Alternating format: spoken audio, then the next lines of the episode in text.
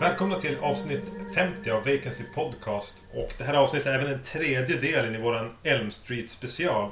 Och säkerligen är det ingen som har som lyssnar på det här som inte har hört de, de två tidigare. Men precis som i dem så är ju även Emil från Titta de snackar med här. Ja, precis. Tre gånger gilt här. Jättekul. Och Magnus är ju naturligtvis också med. Ja, Eh, absolut. Men, och återigen, för de som inte har hört de två tidigare avsnitten kan du eh, lite snabbt presentera eh, din, din podcast. Ja, jag har ju en podcast som heter Titta de snackar som också handlar om film. Denna har jag med en snubbe som heter Gustav. Eh, som jag ser kanske som den som är auktoritet på film av oss två. Men vi snackar film varje vecka, eh, både nytt och gammalt. Eh, det här är även varit ett litet jubileumsavsnitt för oss förresten. Det är avsnitt nummer 50. Ja, grattis! Då är ni bara typ 50 avsnitt ifrån oss då. Vi, jag tror vi är på Ja. avsnitt 100 nästa vecka. Oj. Ja. Kom det som en chock att ni var framme vid avsnitt 100 eller? Ja men lite så, det, det är svårt så här att blicka bak och se att, man, att jag, jag har spelat in 100 avsnitt, jag har klippt 100 avsnitt. Jag har pratat om 100 Mm. olika filmer mer eller mindre. Det är Mm. lite konstigt för det känns som att vi startade typ förra hösten men det har gått liksom två år någonting. Mm. Så det är rätt crazy. Absolut. Ja, och man fortsätter ju också. Av någon anledning. Ja det är som är Det går inte att sluta. Ja. Nej men det är svårt det där, det finns ju inget stopp på det på något sätt. Nej. Så. Nej, för oss är det ju också alltså, ja, listan på avsnitt som vi, som vi gör blir ju bara längre och längre och avsnitt vi vill göra och även eh, Ja, i det här fallet som vi har gjort. för du, du nämnde hundrade avsnittet här nästa vecka och Mm. eh, det är ju några veckor sedan när det här avsnittet kommer ut. Så att, eh, Ja det är sant. vi, har, vi har ett rasande tempo här egentligen just nu. Eh, Vi kanske ska sluta tjafsa på om hur många avsnitt vi har gjort och hur många vi tänker göra. Och, och fortsätta med de tre filmer vi kommer att avhandla i det här avsnittet. Mm. Vilka är då eh, Wes Cravens New Nightmare, Freddy vs Jason och eh, remaken på A Nightmare on Elm Street. Mm. Och vi fortsätter naturligtvis i kronologisk ordning. Vilket innebär Wes Cravens New Nightmare. Från 1994. Är det 94 på den? Ja, Jag har alltid tänkt att det var 93. ja, ja Men jag, jag tror jag IMDB det här som en... Men men. Ja, jag och, eh, jag och eh, Gustav minns i ett av våra första avsnitt hade en liten dispyt om just den här filmen och om den gick upp på bio eller inte i Sverige. För jag var övertygad om att den hade gått upp på bio och att Freddy vs Jason är den enda Freddy-filmen som inte gått på bio i Sverige. Medan Gustav hävdar att den här inte hade gått på bio, New Nightmare. Eh, och det kom aldrig Mm. något svar på det i vår podcast. Vi skulle svara, sa vi, eh, till nästa vecka, men det blev aldrig av. Men jag kan ju säga nu att den här filmen gick på bio i Sverige. Den gjorde det. Mm. Jag, hade, jag hade nog faktiskt sagt att den inte gjorde det. Nej, jag tycker det är skönt. Jag hade rätt mot Gustav. Man ska liksom inte mopsa upp sig mot mig när det gäller Freddy-kunskap. Just det. Uppenbarligen inte. Men då vet ju du vilket år den kom också då. Ja, det är 94, men det har du ju Det är räknat fram 94. till. Ja, så jag hade dubbelt fel angående New Nightmare. Just det. Men var detta en film som alltså så... Jag antar att inte ni såg den på bio då, eftersom ni var lite osäkra på om den hade gått på bio, men... Eh, alltså fanns den i ert medvetande när, när den kom där, mitten av 90-talet? Liksom, läste ni Fangoria eller läste ni artikel om det i Expressen eller någonting? Jag minns inte riktigt. Jag, lä- jag har aldrig läst Fangoria. Eh, men man hade väl hört att det skulle komma en, en film som var eh, i Elm Street-serien fast ändå inte. Eh, så det var ju inte så att den dök upp som en chock. Jag hade ju hört talas om den på något sätt. Jag tänker att det var du som höll mig informerad där Magnus. Ja, det kanske det var. Jag minns faktiskt inte heller hur det var, tyvärr. Nej, för jag minns ju ändå att det- det var ändå den, den första filmen som kom där jag liksom var medveten om att Mm. jag såg den i nyhetshyllan på videobutiken i Trollhättan och jag hade två kompisar som hyrde den när eh, de skulle sova över hos varandra, som man gjorde på den tiden. Och jag kom dagen efter och såg liksom video videokassetten ligga där när de skulle lämna tillbaka den. Eh, Så den här, det här minns jag väl nästan mest på det sättet, om man ska säga till dem man minns liksom i realtid eller så, av Freddy-filmerna. Jag tror även det här var en som eh, vi, jag och Magnus då, alltså visste om att den hade kommit på, på, på VHS och hyra. Och gick och hyrde den när den var ny. Och det var lite andaktsfullt att se den, som jag minns det. Mm. Just att se en ny film så här. Då, då det kändes som att det, det, alla filmer man, man såg hade stått där i, i, i hyllan ganska länge ändå. Mm. Jo men det var liksom den första fräscha Terra på M3-filmen just för, för, att den kom där liksom 94 när man, när man visste om att, att den skulle komma och, och att den liksom fanns. För nu kanske för sig ni levde med Freddy's Dead på ett annat sätt då äh, än vad jag gjorde men för mig var alltid filmerna någonting som hade kommit i någon sorts filmhistoria. Mm. Men det här var första gången som verkligen jag levde jämsides med Freddy. Freddy's Dead tror jag låg i någon slags skarv för, för mig. Att den, mm. Eller för, förmodligen för oss båda eftersom vi har sett alla filmer tillsammans eh, från 90-talet, under 90-talet i alla fall. Att, att den kom ungefär då man var intresserad av att se den och kanske just hade sett dem. Så den kom ändå i, i något slags naturligt flöde av Elm Street-filmer. Medan den här var den här... Det, kom, det var ett glapp. Man visste att sexan var den sista och så kommer den här som skulle göra något nytt med det. Mm, och Jason Goes to Hell var ju lite samma sak. De kommer ju ungefär, den kommer väl i alla fall 93. Ja men när den egentligen så här. Jag kände till den filmen bara via hur Jason såg ut i den. Jag hade en, en kompis när jag var liten som hade fått en filmaffisch av sin sin storebror. Jag tror att den kanske kom från någon sån här Fangoria-tidning. Där, där den här Jason med det här köttbullehuvudet från Jason Goes to Hell eh, var på postern. Jag tyckte han såg så jäkla cool ut. Och så cool har han aldrig varit i någon av filmerna jag hade sett på femman sådär mitt i natten. Mm. Men det tog lång tid när jag såg Jason Goes to Hell, så när jag väl såg den filmen så visste jag ju att den skulle vara värdelös. Ni måste ju bli så sjukt besvikna när man, när man såg den såhär 93 eller när den nu kom. Mm. För den har ju ändå rätt coolt omslag och sådär. Jag minns den ju som en besvikelse redan då. Eh, ja. Det gör jag. Eh, förutom då tyckte man att det var lite coolt när Freddys eh, hand kommer att dra ner masken i slutet. Det var det enda som fastnade. Resten var ju en enda besvikelse över att Jason inte var med i den. Och ja, att precis. allting bara kändes syntetiskt och tv-serie. Mm, absolut. Men New Nightmare då? Ska vi berätta vad den handlar om eller? Eh, jag kan väl försöka. Eh, den mm. handlar alltså om skåd... Eller egentligen om Heather Langenkamp som spelar Nancy i första och tredje Nightmare on Elm Street-filmen. Spelar då här sig själv eh, som en skådespelerska som numera mest jobbar inom TV. Som eh, börjar ha en son och ha ett familjeliv. Men vars eh, drömmar börjar invaderas av någonting som påminner om, om Freddy som är en avslutad serie. Och hon åker runt och, och träffar både Wes Craven och Robert Englund och, och de som var med i, i ursprungsfilmen. Där det mer och mer blir påtagligt att Freddy kanske en, inte bara är någonting i en film. Det är ganska svårt att förklara vad den här handlar om. Jag tycker man ska se den istället. Men den jobbar i alla fall med en metanivå. Eh, I, i West Cravens New Nightmare är de sex första Elm Street-filmerna en, en filmserie. Det är ganska skönt när West Craven kommer tillbaka så här och, och öppnar filmen med en throwback till första filmen med du, skapandet av Eh, den här nya handsken då. Även om, om kanske den, den här nya inte är så himla imponerande. Men det är ändå en, eh, en eh, jäkligt bra början på något sätt. Bra anslag tycker jag. Och säga liksom nu, nu är Wes Craven tillbaka och och vi är på, vi, vi ska tänka på första filmen redan från ruta ett liksom. Ja, jag tycker ju hela filmen fungerar så otroligt bra. Syns en hyllning till första filmen. För den här kommer ju på tioårsjubileet av mm. första filmen. Och det är nästan så att man vet att, att Wes Craven varje gång det gått 10 år, alltså 20 år, 30 år, gör någonting nytt med detta. Om det så hade varit, eh, gör en teateruppsättning av Terra på eller gör en dokumentär om Terra på Men det är kul att bara det har gått tio år och då gör han en, en Terapeutic-film men mer en film om serien då än om än en film i serien. Jag tycker bara det så, den, tar man den som en hyllning också så är det väldigt enkelt att älska den. Mm. Mm. Jag tänkte lite grann, när jag såg den här även, eh, så eh, på Cabin in the Woods, alltså de, de använder ju lite samma eh, Förutom det här metanivån och det här lite, lite inom citationstecken smarta att den är medveten om skräckfilmsgenren så har den ju på något sätt samma grundpremiss även om det är småskaligare i, i New Nightmare. Att, att filmen, skräckfilmen och berättandet av ja, men, eh, en fabel eller en, eller en spökhistoria på något sätt är nödvändigt för att hålla ondskan fången.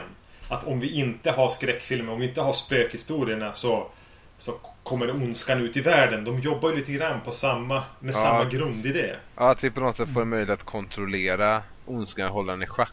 Ja, mm. Sådär. berätta om den. Jo, det är ju det Wes Craven tar upp här. Inte bara liksom att att man behöver filmer och så. Utan Wes Craven vill ju ta upp eh, även så här, den här kritiken mot skräckfilm. Att, så här, eh, att man blir påverkad av det och eh, det leder till mord eller våldsamheter att, att titta på skräckfilm och så vidare.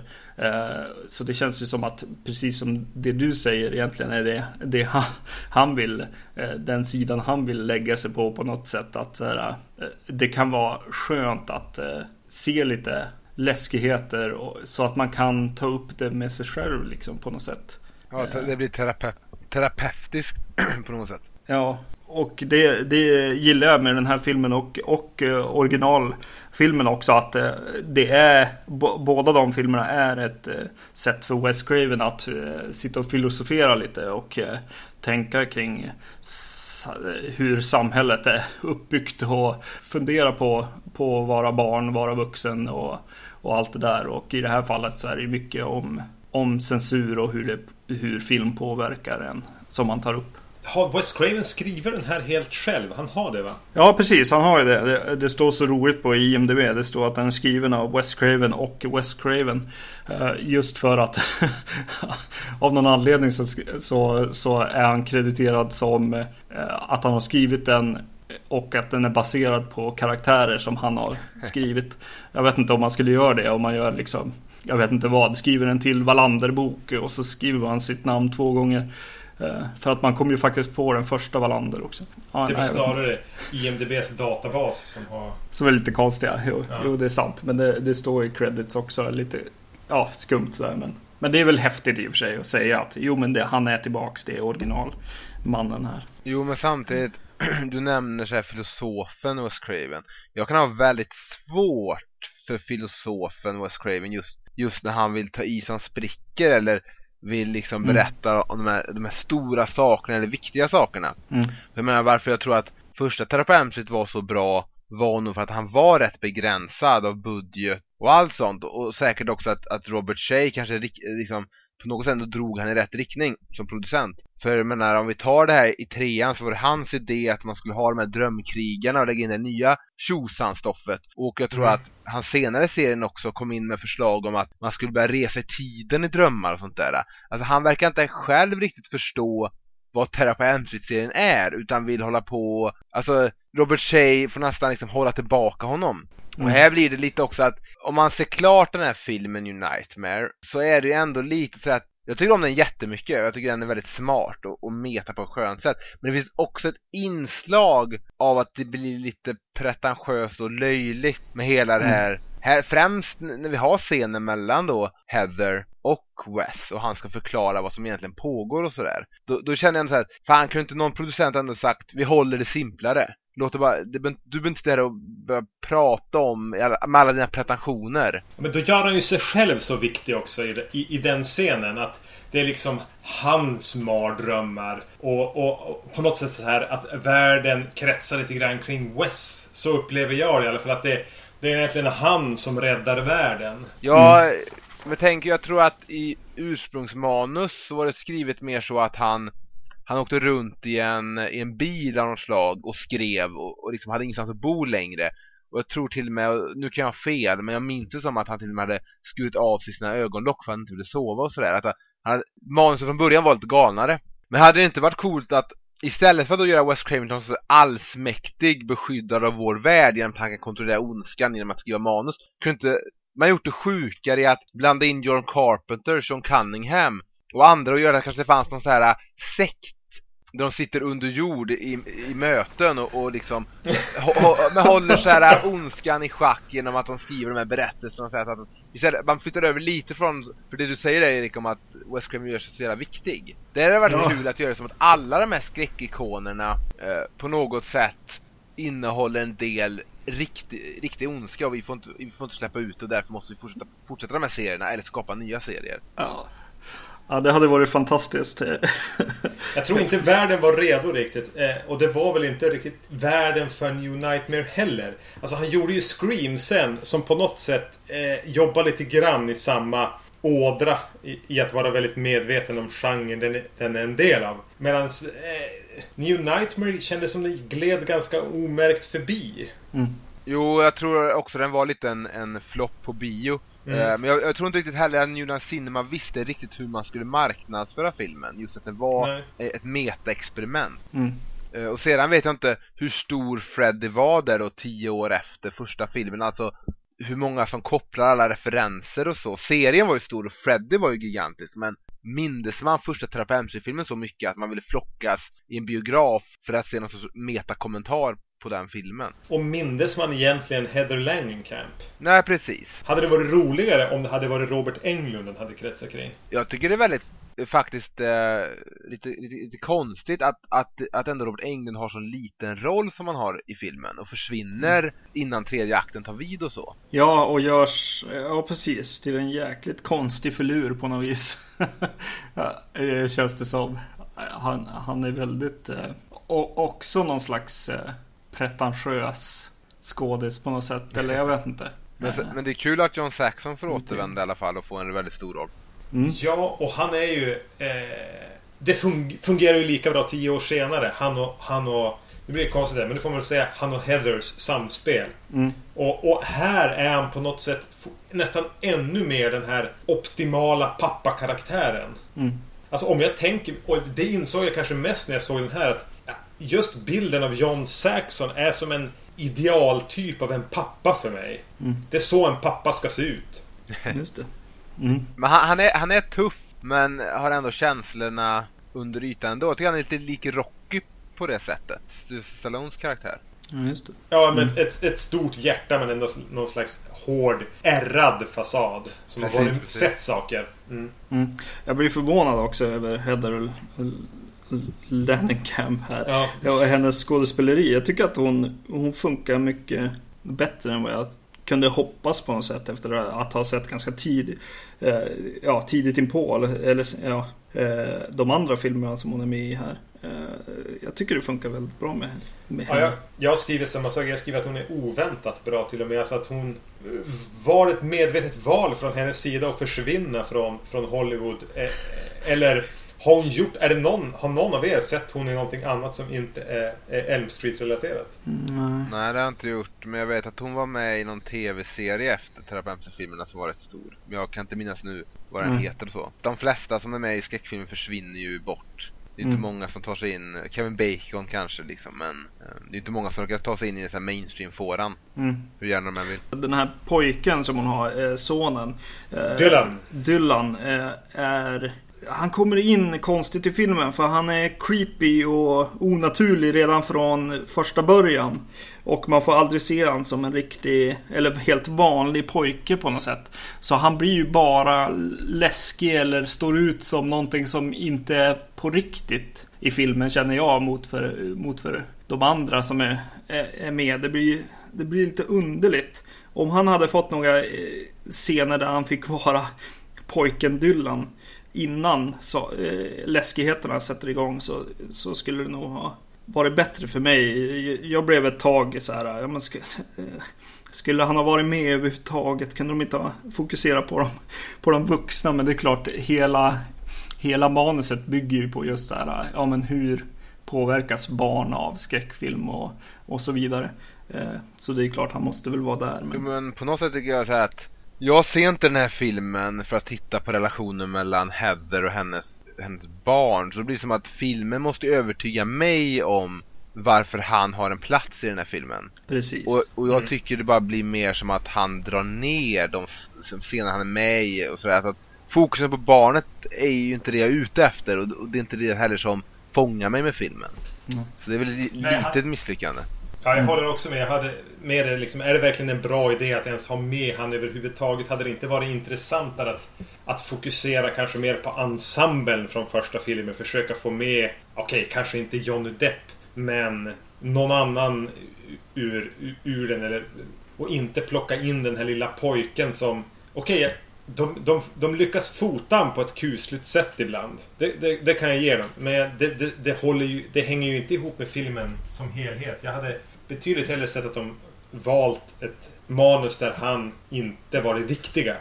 Nej, utan kanske Robert Englund som sagt som vi nämnde tidigare. Ja, man kunde ju lagt, den fokus som pojken får kunde ju lagt på Robert, Robert Englund till 75% och sen 20 25% på övriga från, eh, från den ensemblen och från Terapeutic eller, eller så. Men en lite kurios om Johnny Depp är ju, och detta har jag tagit från uh, uh, DVDn, faktiskt kommentatorspåret, är ju att Wes Craven ville ju få ha med Johnny Depp i den här begravningsscenen. Mm. Men vågade inte höra, höra sig av till honom och fråga.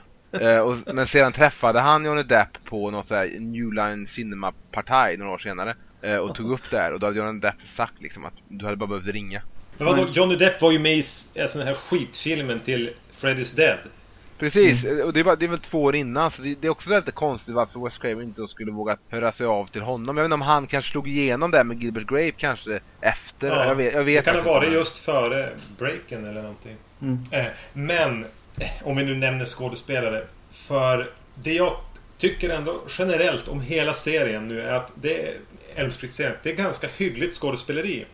Jag nämnde att Tuesday Night som får ta över Patricia Arquettes roll som Kristen är mm. det svagaste kortet de har spelat hittills. Så lägger de ju ett ännu svagare kort nu i... Han heter David Newsom och spelar eh, Chase som är Heather Langenkamps man eller eh, i alla fall pappa till hennes barn och sambo. För han är dels otroligt irriterande och vanvettigt dålig. Ja, kanske. Alltså jag reagerar ju mest på den lilla pojken. Så jag, jag tänker ja. inte mycket, mycket på de övriga. De, de, de känns ju nästan bra i jämförelse. Så att jag har aldrig tänkt på hans... Jag tycker han spelar lite... Han spelar trött rätt dålig när han åker hem i bilen innan han, innan han blir avrättad av, av Freddy. Det är väl det enda jag kanske mm. har tänkt på. Mm. Men jag tycker han fungerar rätt bra. Ja, ja jag, jag tycker att det funkar ändå. Nej, jag hade jättesvårt för... Alltså kanske, kanske framförallt var karaktären jag hade svårt för. Han var så sjukt irriterande. Ja. Och det märktes ju att han bara var där för att snabbt eh, eh, försvinna ur handlingen. Han är en symbol eh, på något vis. Mm. Mm.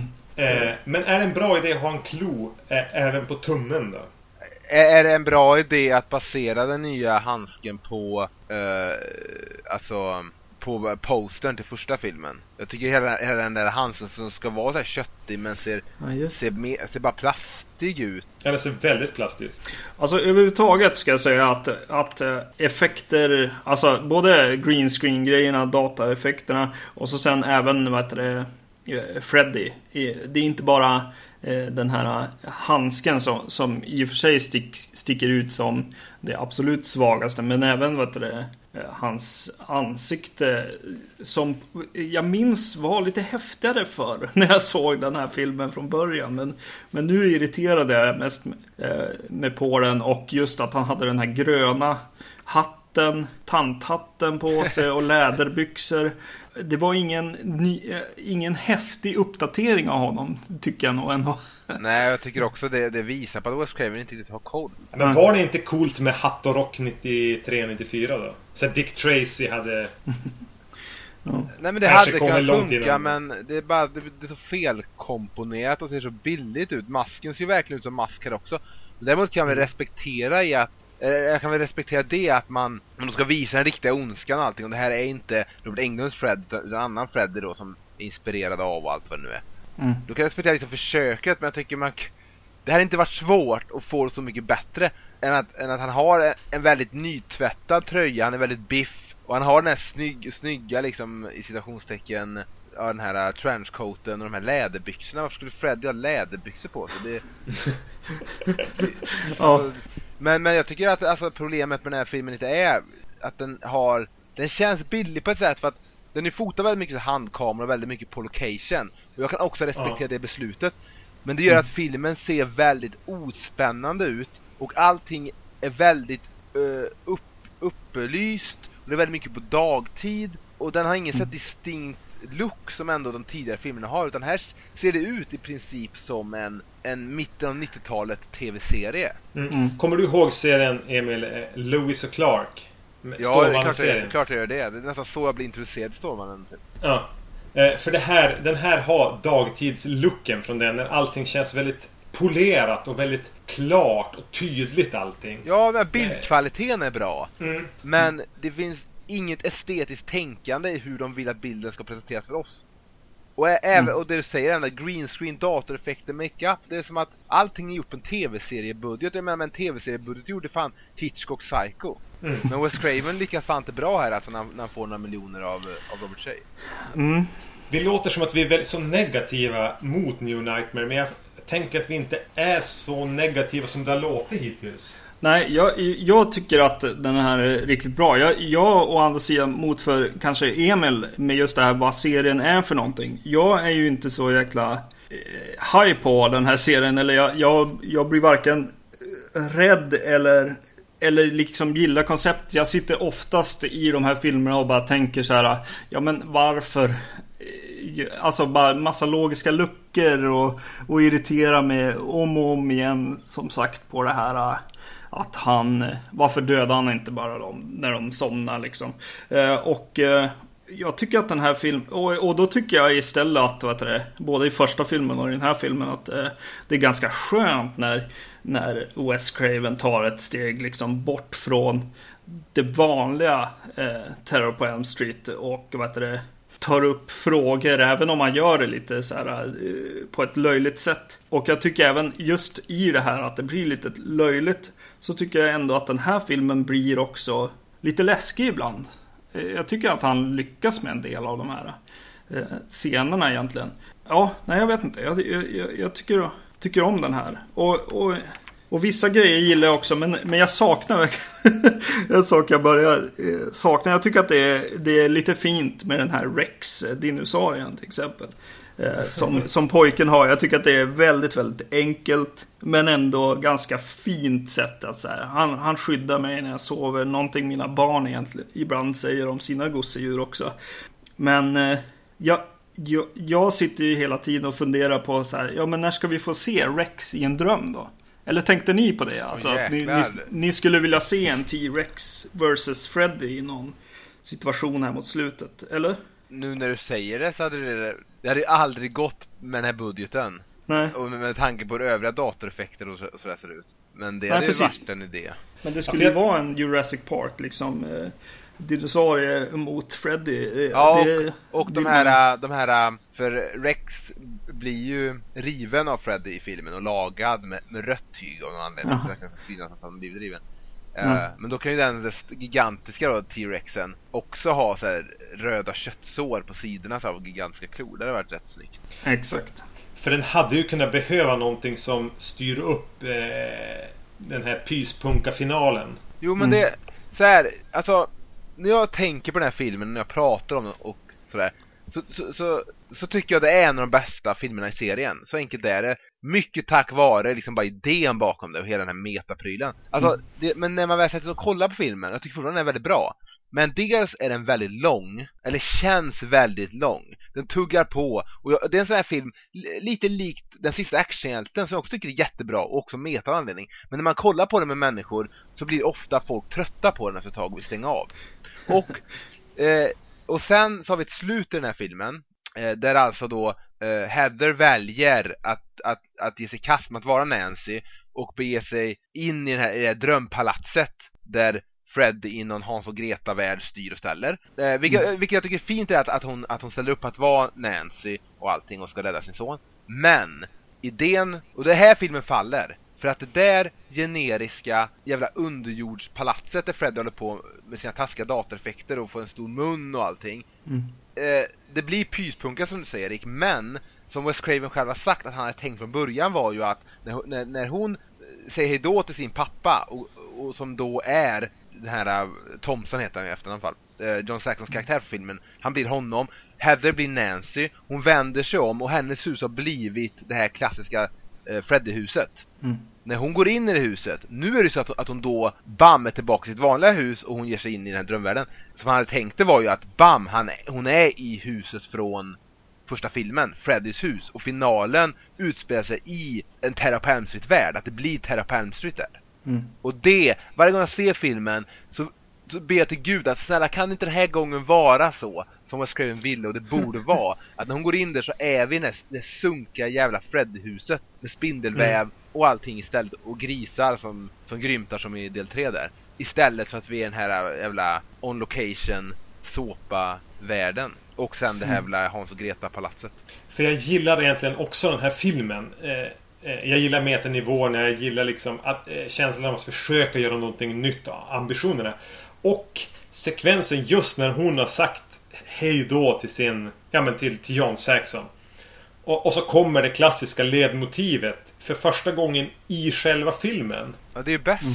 Och vänder sig, och så vänder hon sig mot huset. Det är liksom så här gåshudsögonblick. Mm.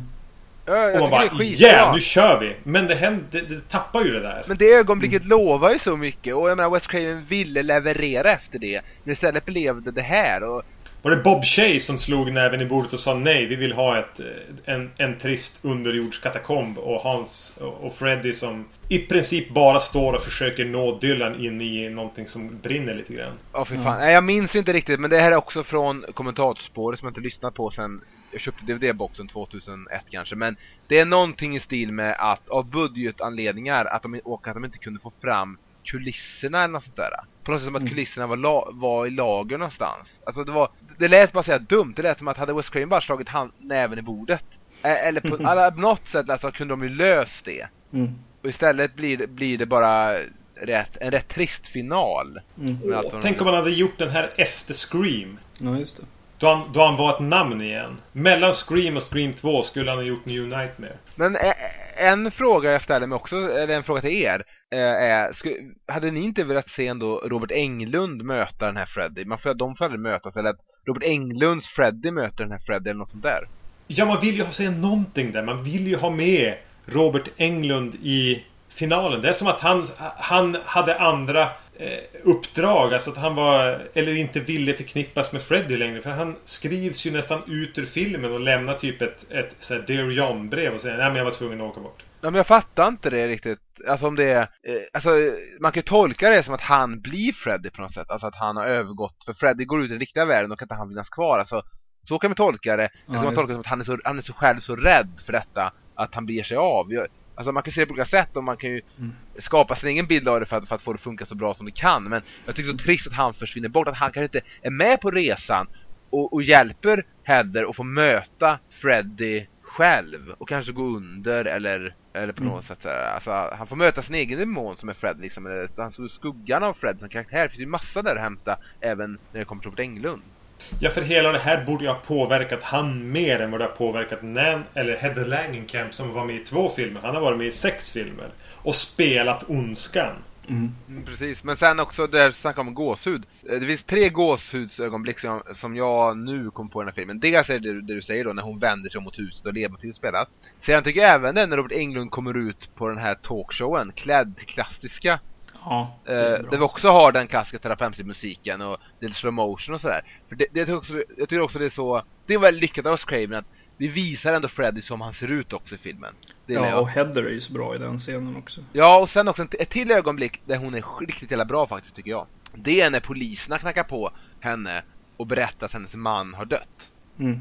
Jag vet inte om ni kanske tycker det är corny eller någonting, men jag tycker hon spelar riktigt bra där. Ja, jag, jag, känner ju att den här filmen har, har fördelen att det blir på något sätt just att det, det är i den verkliga världen ändå. Eh, jag, jag vet inte, han sätter det på ett sätt i just de här momenten. Att det blir lite extra tråkigt när människorna i filmen dör. I alla fall för mig så blir det så. Och jag gillar verkligen när de gör en extra eh, poäng till av att hennes man har faktiskt blivit dödad av Freddy här när, när hon eh, svimmar på begravningen och eh, eh, ja, åker ner i hans, hans grav här. Och, och han vaknar upp och gråter lite blod från ögat. Jag, jag tycker den...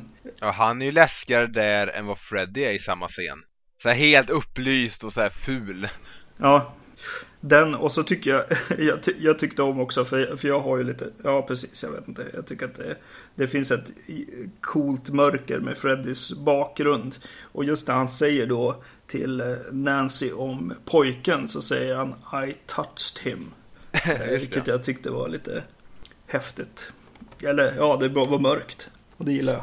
Bör vi vara redo att lämna New Nightmare? Ja. Ja, men jag tycker lite trist att vi har klankat så mycket på den. Jag, bara, jag kan bara ändå konstatera igen då. Jag tycker ändå det här är en väldigt stark film och väldigt fiffig. Men eh, det är bara synd att, att slutet är, blir, det blir en besvikelse liksom. Jag håller helt med. Mm. Och jag tänkte avsluta även med en fråga. Vi börjar med dig då Emil. Är Wes Craven en bättre skådespelare än Quentin Tarantino? jag har sett mindre av Wes Craven men jag skulle nog nästan säga att han är det ja. Magnus? Ja, jag, jag, jag, tycker det är väldigt skumt med Wes Craven i den här. Eh, så jag skulle säga nej. Särskilt på kyrkogården när han kommer in i, i en scen och så här är lite klurig. Ja, den är, jätte, den är jättekonstig den, den bilden. Han, han bara ko, ja. ko, kollar upp mot de här äh, palmerna som blåser eller någonting bara va? Ja, precis. Jävligt konstigt. Ja. ja, ja. Då, Men han, men, men, ja just det. Erik också. Jag tycker definitivt att Wes Craven är en bättre skådespelare än eh, Quentin Tarantino. Han har också den här mysfarbror-looken, så lite Brian Cox, lite så att man vill... Man vill ju verkligen tycka om honom. Ja, man vill ha han sittandes i en fåtölj på julafton. Så mm. Och jag, jag, gillar också, vad heter han, Robert Shea faktiskt. Uh, han är ganska kul på något sätt. No sweetie the script. Ja. ja, ja.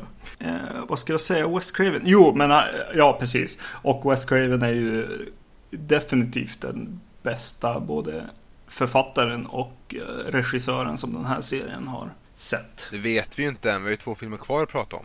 Ja, vi får väl se. Okej. Okay. Eh, innan vi går över till nästa Hittills. film. ja, Hittills. Eh, jag beställde den här dokumentären som du har refererat till. Framförallt i kanske första och andra avsnittet, Emil. Nu har jag glömt bort vad den heter.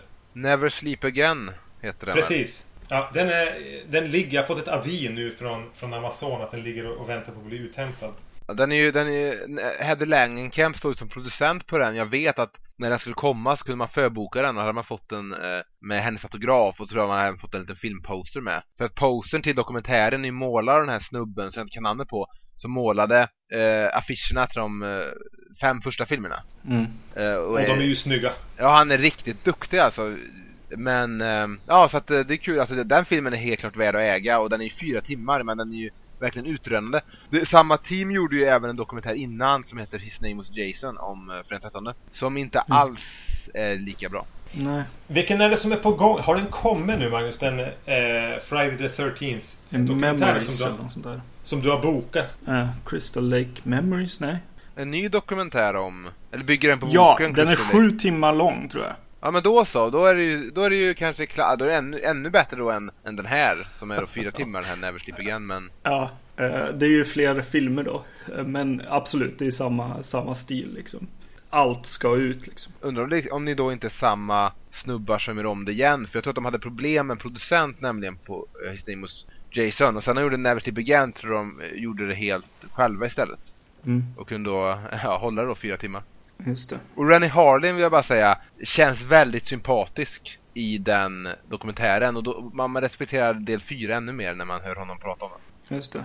Men jag känner att jag vill ha den här injektionen av respekt för de filmer jag inte tyckt så bra om i den här genren. Och få höra dem diskuteras utifrån de förutsättningar de hade, eller vad man ska säga. Mm. Det, det enda som är synd med den här som kommer om fredag den 13 är att eh, det verkar igen som att de inte har fått tag i Steve Miner eh, som gjorde tvåan och trean. Vilket är riktigt synd för det är ju favoriter till mig. Ja men den, den första sån här dokumentär som kom var just om Halloween, jag vet inte vad den heter. Men är han med där då eftersom han regisserar ju Halloween 20 år senare? Eller är han, så här, är han skygg så här, generellt sett och, och, inte vill vara med i den här typen av... Jag har aldrig hört ett kommentarspår med han eller någonting. Jag tror att han är ganska skygg. För det. Men jag vet inte om han... Ja. ja, för det tråkiga med Never Sleep Again är att de inte fått Johnny Depp. Ja, okej. Okay. Och, och, inte Patricia Arquette heller. Mm -hmm. det, det, det, är lite tråkigt. Ja. För det känns ju inte som att Patricia Arquette ska ha så mycket annat att göra än att vara med i en sån dokumentär. Hon har ju sin tv-serie, den där... Uh, medium va? Medium. Mm. Vad är hon med i uh, Går den fortfarande menar? Ja, det kanske det känns som en svensk TV, TV i alla fall. TV4-serie för medelålders tanter. mm. Jag tror aldrig jag har sett ett avsnitt. Men... Eh, 2003. Nu prövar jag ett år igen här. Jag brukar ha fel tydligen. Nej, Freddy vs Jason. Jason. Mm, den 15 augusti 2003 minns jag i huvudet att den, att den eh, kom. Eh, okay. det, det, här var ju... Är det någonting som har varit andaktsfullt så har det ju varit releasen av eh, Freddy vs Jason på... För, för, för vår, eller, nu pratar jag i en vi-form här som Absolut. att jag och Magnus är en entitet. eh, så var ju det här någonting man letade reda på vart den gick att förboka eh, tidigast från. Vilket var någon... Jag har en fransk-kanadensisk utgåva av den. För det här var ju det man hade väntat. Man hade ju hört snacket. Det hade ju gått så länge man hade hört talas om karaktärerna. Eh, och att den skulle komma och man såg några bilder från inspelningen och att Kane Hodder inte fick vara med och, och bla bla bla. Och att den skulle komma. Så är det någonting som har varit andaktigt för... För mig så har det ju varit den här. Jo men för alltså, den första filmen som jag verkligen sådär, alltså peppade upp mig för känslomässigt och det som var viktigt för mig var väl Jason X då som skulle vara första gången jag skulle få se Jason Voorhees då i en i en film, på bio förhoppningsvis eller på DVD, men när den då, när den var aktuell. Mm. Jag vet att ni inte tyckte om den så mycket när ni pratade om den, och det är helt okej, okay, eran Fredag special. Mm. Men, men sen då den här filmen komma, skulle komma då, Först skulle den gå upp 13 juni tror jag, för det var för det 13 året.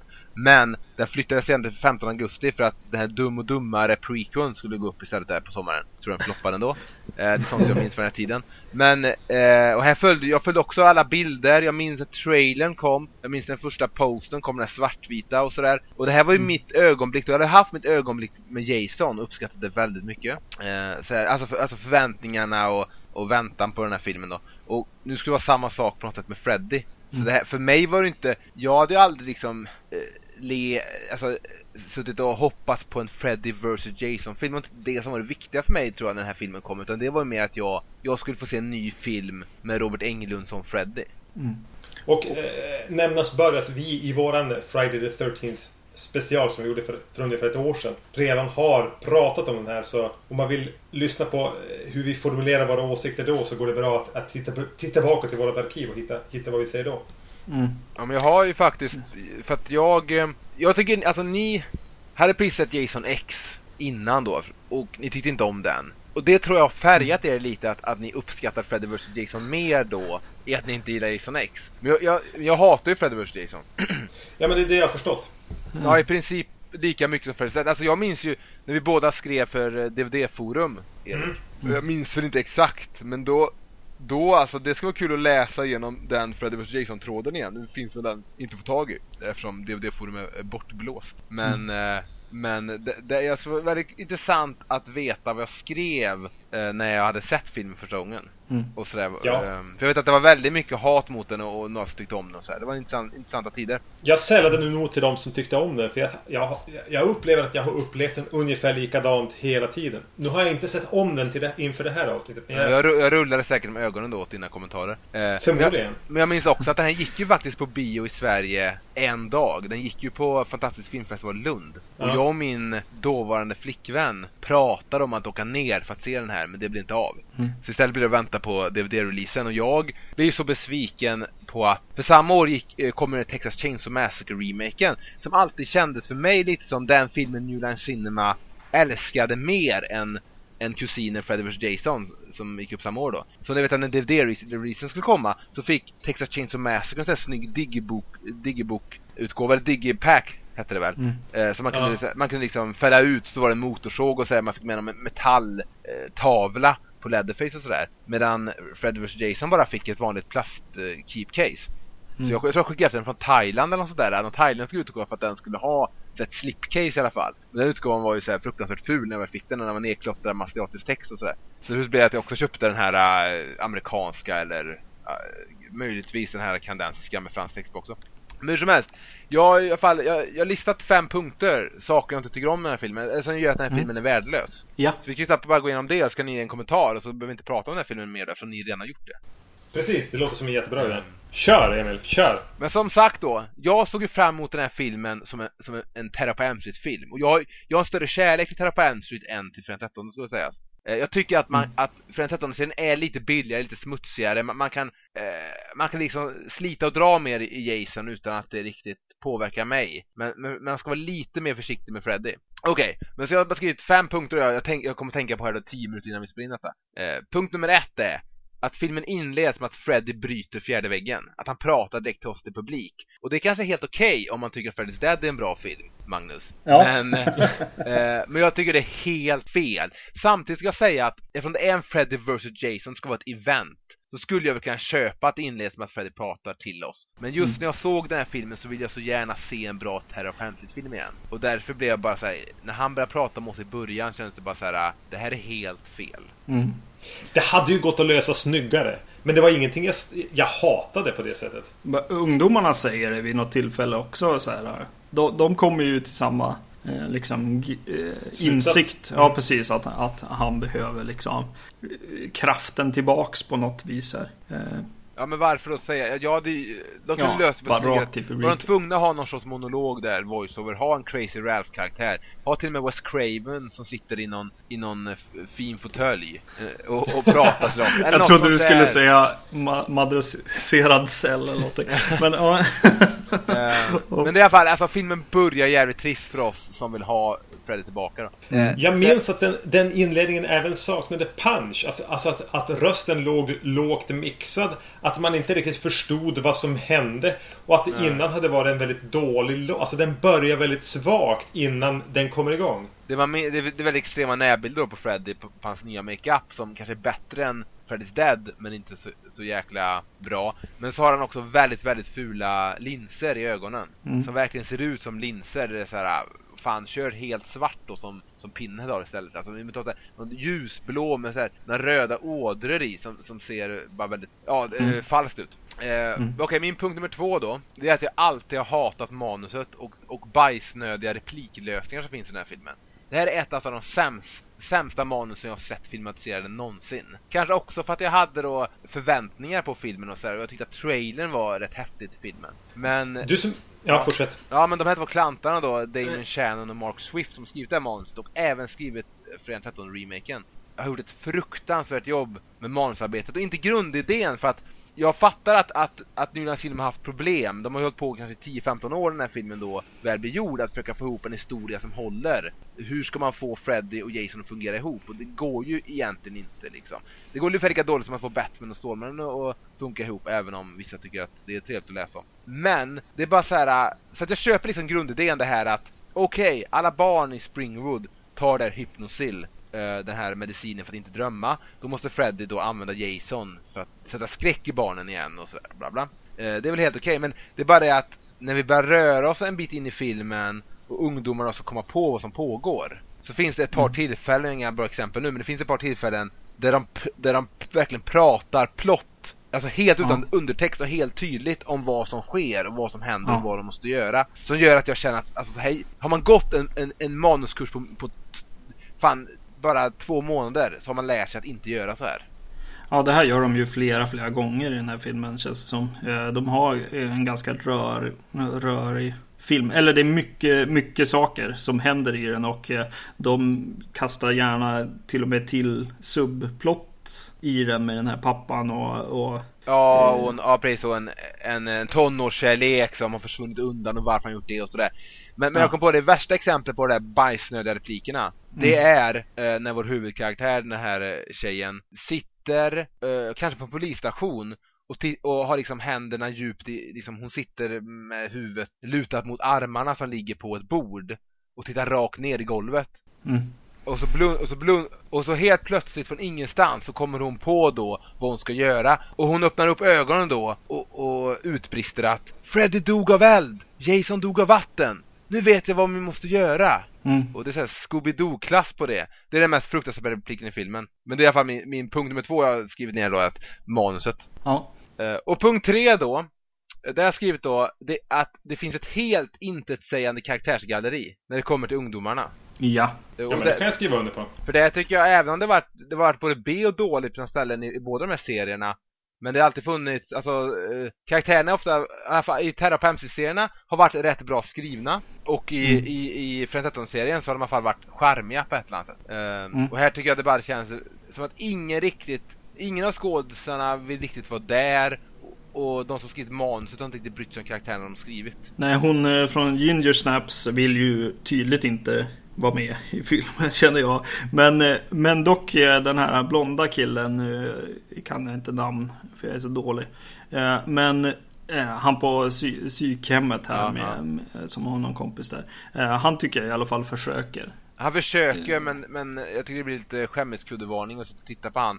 Helst, främst är när de de är i skolan. De, två Mm. killarna kommer till skolan och så, och så börjar de berätta om vad som sker, det här med att man får drömma och eh, Coffee, make friends with it och allt det där. Ja, det blir lite pinsamt. Men, mm, men eh, ja precis. Eh, jag, jag tittade igenom kommentarsspåret nu och, och noterade samma sak. Att den är lite, jag, jag sa nästan mer att den var dåligt castad eller tråkigt castad. Men å andra sidan så, ja visst, det är väl karaktärerna i sig. Det, är- det är mycket, mycket story och mycket setup och så vidare som ska ut och eh, lite karaktär definitivt. Eh, men eh, vad skulle jag säga där då? Just om karaktärerna. Ah, fan. Jag, jag, jag tappade bort mig där. Eh, Det, det, det är en, det med att du kollar på filmen med kommen- kommentatorspåret. ja, tycker det är precis. väldigt. Kommentatorspåret tar sig igenom för att Robert Englund tar väldigt mycket plats som han gör. Ronny Yu Mm. har ju svårt att uttrycka sig. Sen har vi den här Jason-skådisen som inte har där att göra till att börja med på något sätt. Det blir, det blir ett väldigt o- konstigt balanserat samtal mellan de tre som gör att jag, jag tycker det är pinsamt att lyssna på det, det. Mm.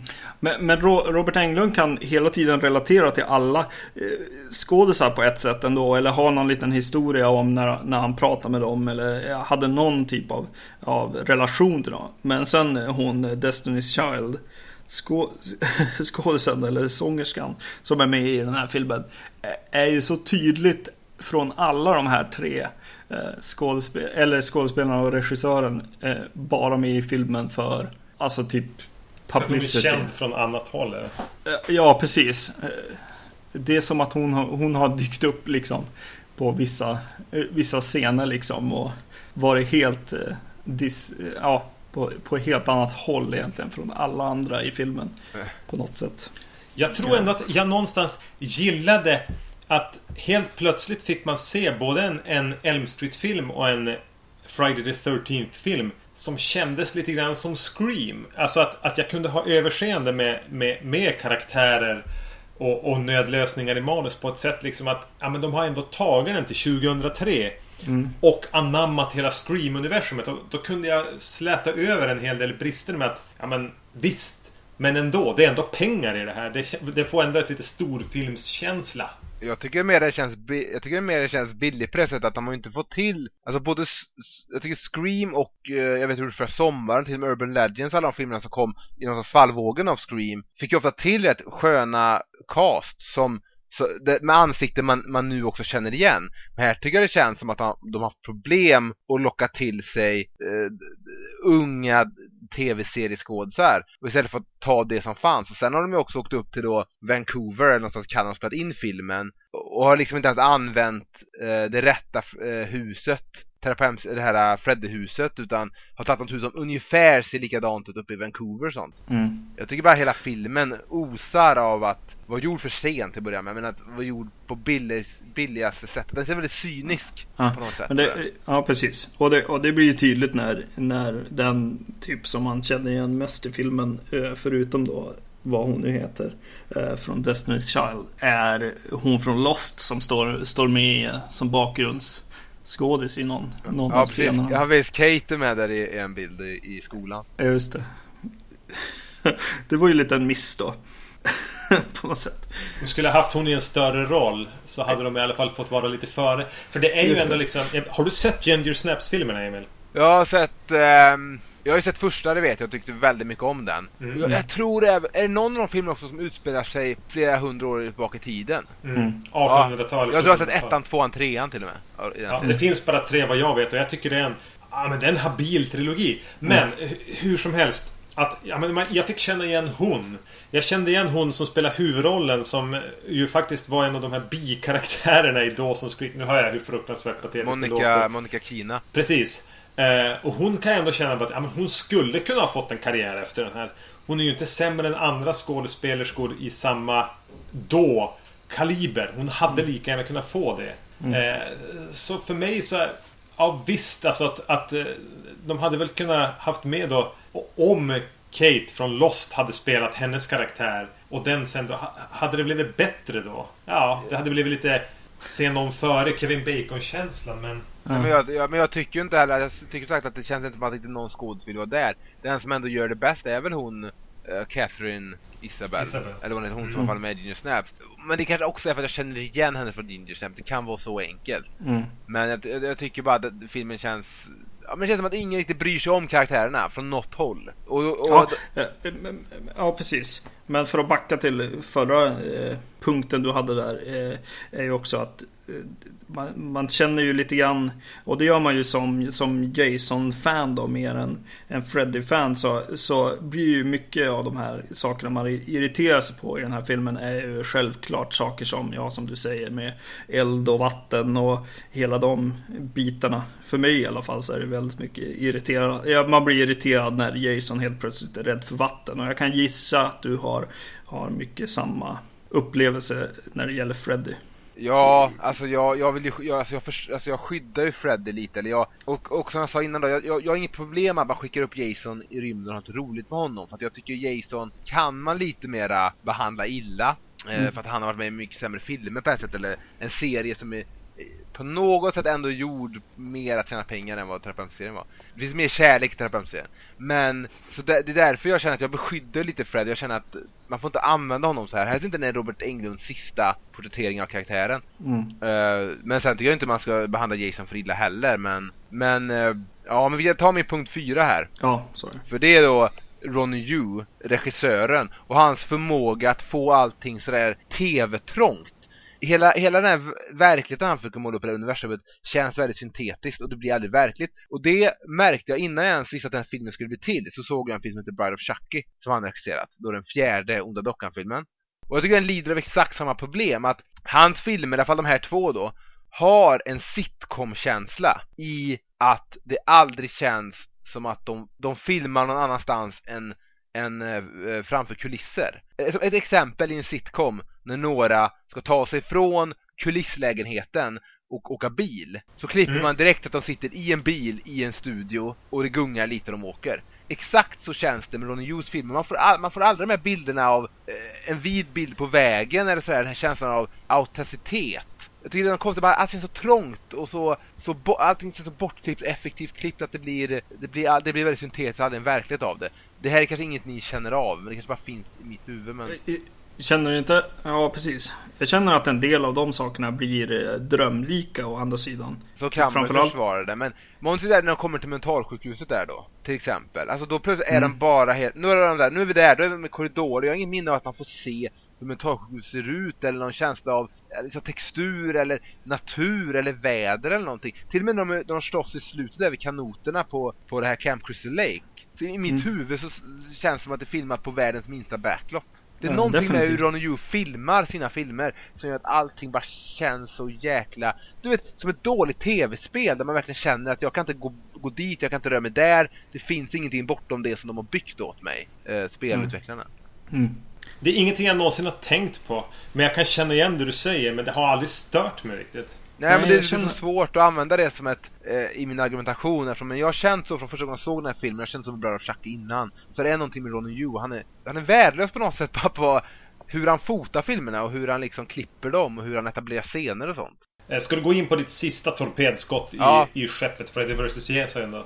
Okej, ja, men då, då, då är det faktiskt någonting som inte har så mycket med Freddy att göra Men det, det är så enkelt som att Ska man låta då den här legenden Robert Englund eh, Och den här legenden Freddy Krueger Möta Jason i en film Så ska fan den Jason spelas av Kane Hodder ändå vad man än tycker om honom, utom att ni hackar lite på honom i eran special och sådär, det kanske inte är eran favorit-Jason då. Men Kane Hodder spelade ändå Jason i fyra filmer, och de fyra filmerna som var, eh, som kom innan Freddy vs Jason. Och det, det, för mig är det helt oförsvarbart att man istället tar en, en annan jävla stundskådis, en, en nobody, att spela Jason istället för att låta Kane Hodder spela honom.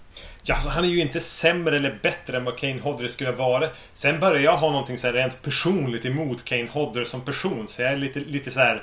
Men hur kan man ha det alltså? han. Okej men tänk nu att, okej du kanske gillar någon mer mänsklig Jason och sådär och allt sånt där Men jag menar den här frustande, djuriska, lite korta men ändå biffiga Jason som Kane Hodder spelar Hade jag gärna sett i en fight med Freddy Mycket hellre än den här långa, långsamma Frankenstein, gängliga Jason vi får här som är helt uttryckslös Jag, jag kan hålla med om att Kane Hodder skulle ha spelat Jason eh, för affischens skull.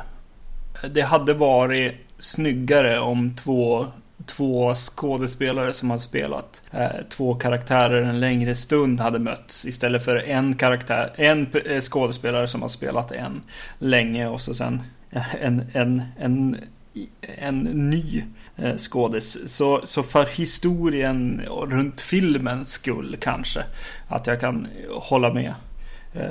Men? Eh, men, men, men det jag tänkte på just med Freddy-grejen. Att som jag, jag, jag kollade ju igenom den här lite, lite lätt sådär. Och eh, började tänka just i sådana banor. För jag är ju en Fredag 13 fan här då. Jag, jag, tycker ju egentligen likadant som du säger om, om Fredag 13 fast eh, ja, eh, om Elm Street eller tvärtom. Och eh, då började jag titta så här, ja men vad, vad skulle jag irritera mig på? Och en, en grej som jag tänker på det är att staden här försöker tysta ner, alltså glömma bort eh, Freddy.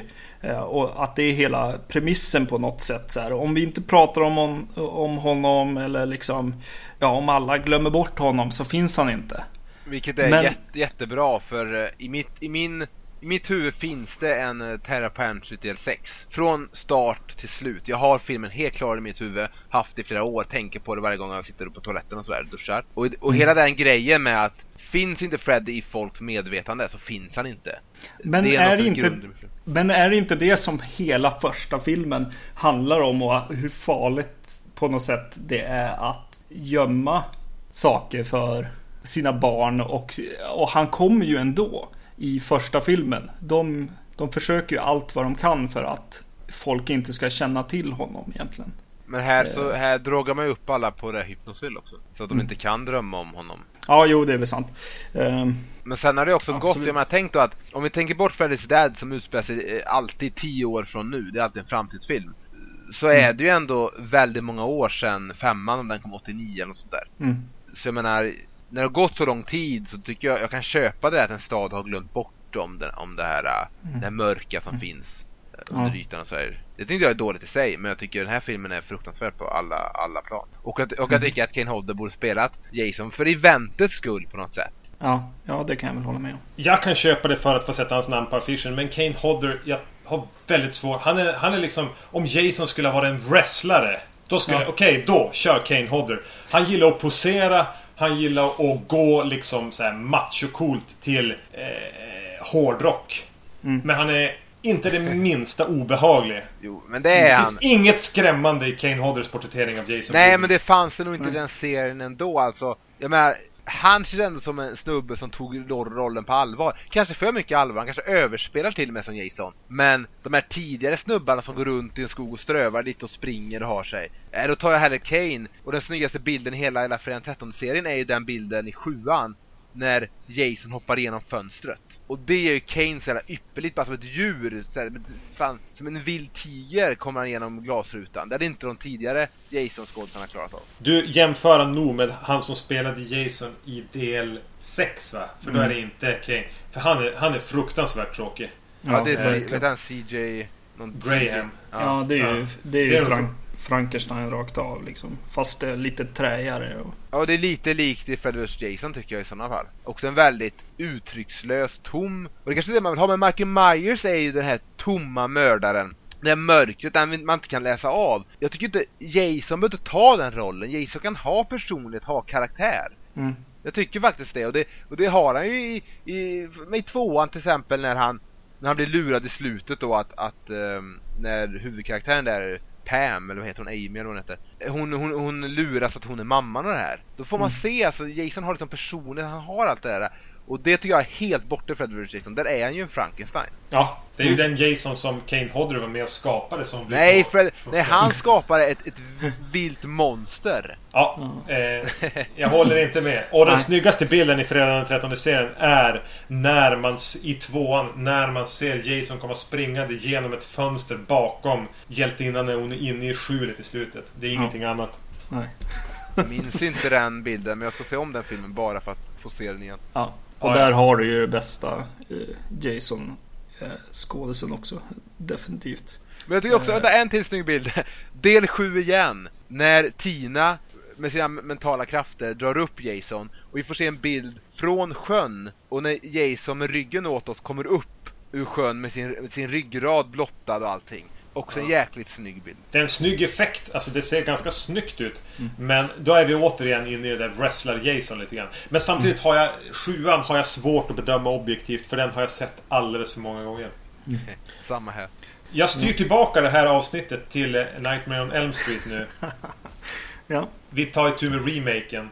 Från mm. 2010. Ja, är, det, är det inte sorgligt ändå att eh, Eh, Fred vs Jason var ändå en stor succé. Jag tror den låg etta på biotoppen två veckor i rad, i, två helger i rad i USA och sådär. Ehm, och gjorde stora pengar. Det är väldigt synd att man efter det kanske låste sig lite i att göra en uppföljare för Fred vs Jason. Man vill få in Ash och man vill hålla på sådär. Att man istället inte bröt loss där och började pumpa ut nya Freddy-filmer och nya Jason-filmer när, ändå det, det, när de fanns i folks medvetande igen och Robert Englund var game och sådär. Det var det det tog så här många år till vi skulle få en ny film och då får vi en remake. Mm. Mm. Eh, ja visst, de hade ju kunnat smida medan järnet var varmt och, och, och som du säger, eller gjort en Freddy vs Jason 2 eller vad som helst. Men istället får vi det här som då är en ganska rak remake av första filmen så jag tycker inte att vi behöver prata om handlingen någonting. Ehm, den här kommer ju året efter remaken på Friday the 13th Som jag ju inte tycker om. Nej. Nej, inte jag heller. Väldigt besviken och, på den filmen. Och den här fick man ju en känsla av att de jobbade med. Att, att det verkligen var att de gick tillbaks och försökte... Alltså de, de är ju väldigt bra på att prata om filmerna innan å andra sidan och få dem att låta så mycket mer genomtänkta än vad de är när det egentligen tydligen bara handlar om marknadsundersökningar. Men jag lurades ju med i det här eh, Eh, att, att, att, få en förväntan på, på den här remaken. Att de faktiskt försökte göra någonting genuint. Jag blev lurad av snacket. Ja, jag visste väl, alltså så fort det var bestämt då att um, den här Jackie Earl Haley som inte är en dålig skådis. Att han skulle spela Freddy och att de inte tog tillbaka Robert Englund uh, ändå. Även det kanske går emot någon sorts remake-regel, men jag tycker inte det gör heller. Samtidigt tycker jag att den här remaken bara kunde varit en ny Terapemsis-film, men att den kunde marknadsföras som en remake. Men att den, att den kunde varit en del av samma tidslinje. Men så fort det fall framgång att Robert Englund inte skulle spela Freddy så, så var jag egentligen helt... Jag var ju nyfiken på ett sätt som man är på en trafikolycka. Men jag var helt ointresserad. Och när jag såg den här filmen, för jag såg um, den 13, för den 13 remaken i Västerås i en stor salong, fullpackad. Hade sett Revolutionary Road precis innan eh, och var, var väldigt besviken på den.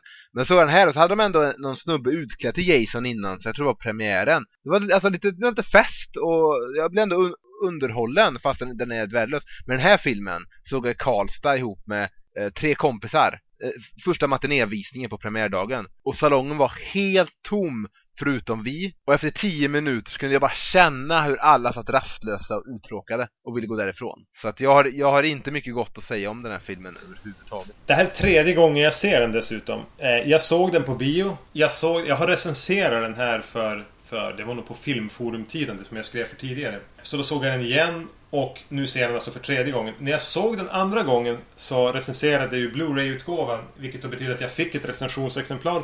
Såg, det hemma, såg den hemma hos dig Magnus och sa ja, men den här filmen kommer jag aldrig att se igen. Så här, du får Blu-rayen. Mm. Nu hamnar jag ju här två, tre år senare.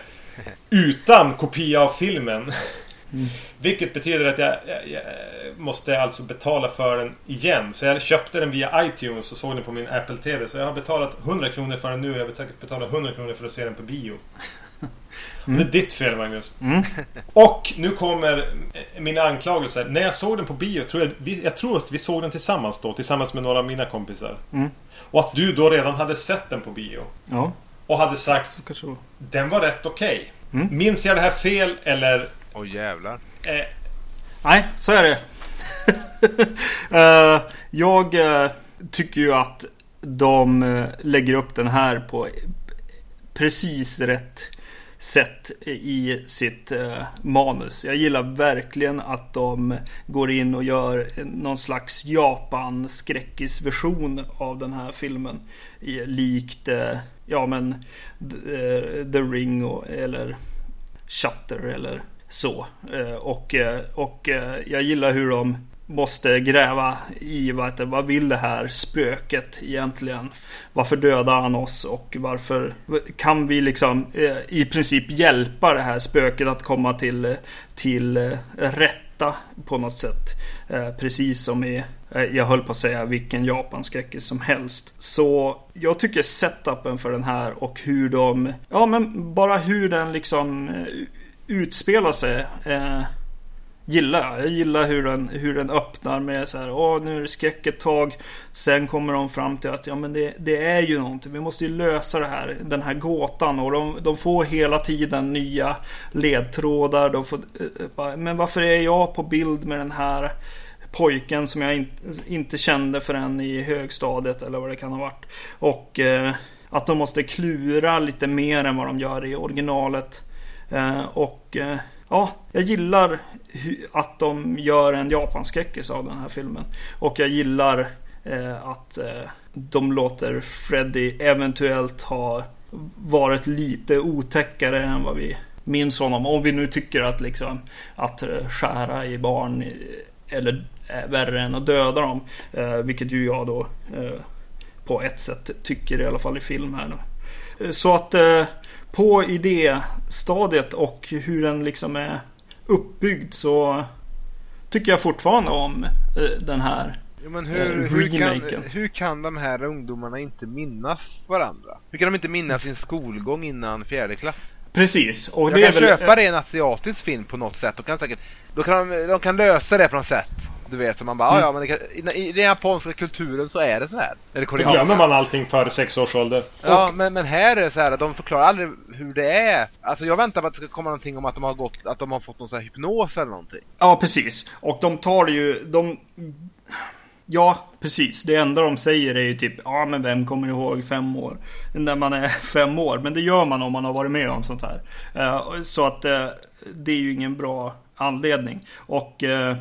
Men jag vet inte. De, ja, jag köper det inte. Det kan jag, kan jag inte säga. För det finns mycket som är mycket negativt med den här filmen också. Eh, typ när den kom från, från manus eller kanske idé. Eh, att de satt och bollade. Det är det jag känner av att så här, ja men här finns det ju någonting. Eh, men när jag väl ser den så finns det ju så mycket som är fel på den eh, också. Eh, jag tycker att det är skitdåligt eh, utförd film helt enkelt. Både regi och ja, det mesta egentligen. Skådespeleri. Men det är som att de här Platinum Dunes då, som gjort alla de här uppföljarna, alla ja. de här remakesen. De sätter sig i ett konferensrum med Michael Bay då, innan varje sån här film. När de fått, när de fått licensen, rättigheten till, till en, en äldre film då. Och då tänker jag så här, okej, okay, hur, vad gör vi med det här nu då? Mm. Och det är som att här hade de liksom egentligen bara typ en eller två idéer. Det var så här, ja, vi kan göra det ännu grövre. Låt han vara eh, pedofil, låt han ha eh, bilder på sina offer, låt han liksom vara otäckare. Ja. Eh, och så är det typ bara det de, de hade. Jag tycker att de har mer. Jag tycker att, eh, att hur den... Jag tycker att jag ser en, en amerikansk remake på en japansk eh, spökfilm. Mer än vad jag ser en remake på originalfilmen på ett det är sätt. Intressant, det är ett intressant sätt att, att se på det men jag ser ju bara det mest trötta sättet att göra en remake på. Jag tycker vissa remakes är bra. Jag tycker till exempel Platinum Dunes första remake, den här Motorsmassakern från 2003, är en riktigt jävla bra film. Uh, och jag tycker även, alltså vissa filmer har förtjänster, eh, The Hitcher och sådär. Men här tycker jag bara att det här, den här filmen känns helt död för mig. Det är så här verkligen, den håller inte ihop på något sätt. Det var som att de inte hade någon, de hade liksom inte någon idé förutom att vi ska göra en remake och den kan vara lite grövre och vad mer ska vi hitta på? Så blir det som att de kommer på någonting med det här att barn inte minns varandra och det enda jag tycker faktiskt att den har som är bra, det är en detalj som jag tycker att de kanske kunde använt i en i en av Terapeutic-filmerna med Robert Englund. Det är det här att Freddy kan ju försätta någon i koma för att den personen ska drömma eh, hela tiden och då kunna tortera den bäst han vill. Det tycker jag är någonting otäckt som de gärna kunde utnyttjat i någon, någon av de andra filmerna. Och när vi kommer till att eh, lista filmer så kommer vi eh, se att jag har ju det här stora problemet med att Freddy för mig är eh, som Stålmannen, någon som inte egentligen borde gå att besegra. Eh, och eh, jag tycker att att den här filmen i alla fall försöker på ett sätt Ja men just att, att, att det är som ett japanspöke som vill så här. Jag vill berätta någonting. Jag, jag behöver inte döda en förutom när det eh, för min historia närmare. Är närmare min historia på något sätt. Eh, och, och det blir ju ännu mer då mot slutet att, ja okej. Okay. Och han höll också uppe dem liksom så här. Skrämde dem tills de liksom blev för trötta på något sätt. Han utmattade dem liksom. Ja, men... Ja, jag vet inte. Jag, jag, jag, jag tycker att det är ganska...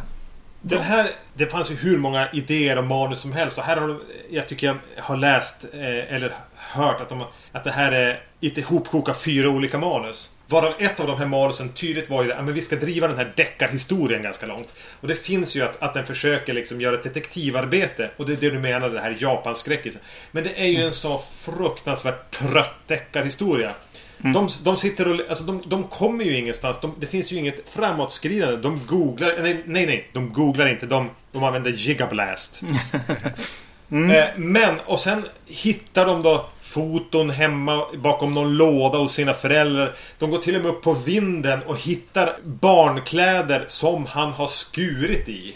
Mm. Alltså det är bara så här otroligt mycket dåliga idéer som är stolparna i den här deckarhistorien. Det är inte Chinatown direkt de har lyckats åstadkomma.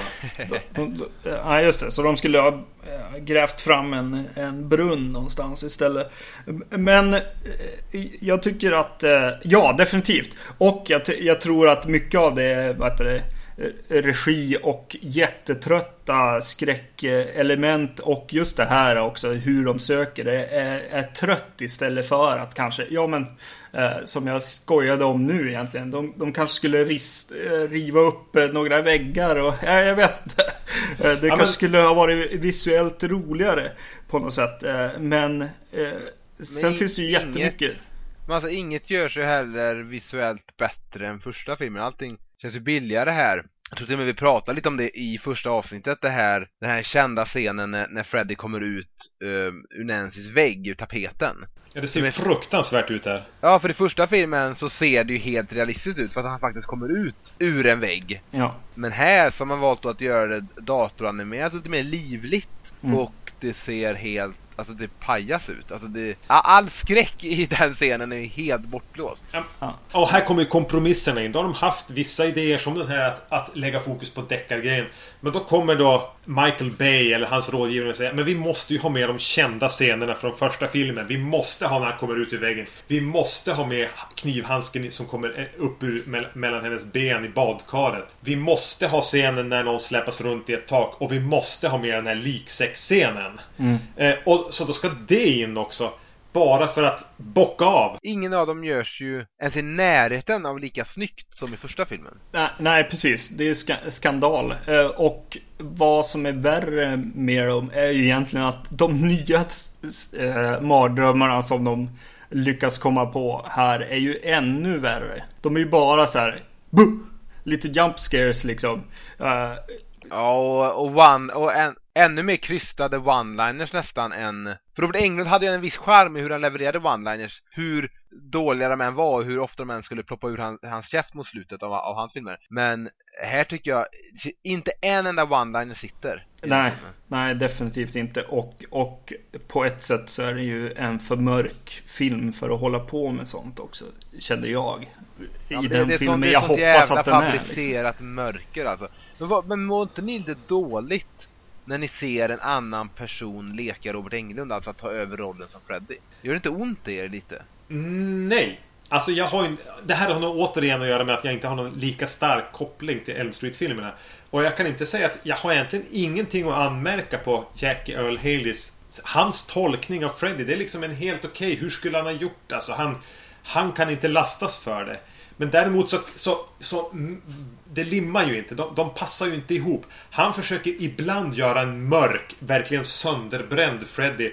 Som då fortfarande ska ha den här randiga tröjan och komma med några trötta one-liners. Ibland. Medan han andra gånger inte ska göra det. Alltså det, det är bara ett mischmasch av folk som har kastat idéer på en, på en tavla i ett, med, i ett styrelsemöte. Mm. Så det finns ju ingen enhetlighet i det. Det, det. det, hänger inte samman. Nej, nej, det är synd. Eh, det är synd att eh, de har one-liners på honom. Och eh, jag tycker ju inte om rösten. Jag, jag gillar dock när han, när han är med i Flashback. Så har han en... Ja.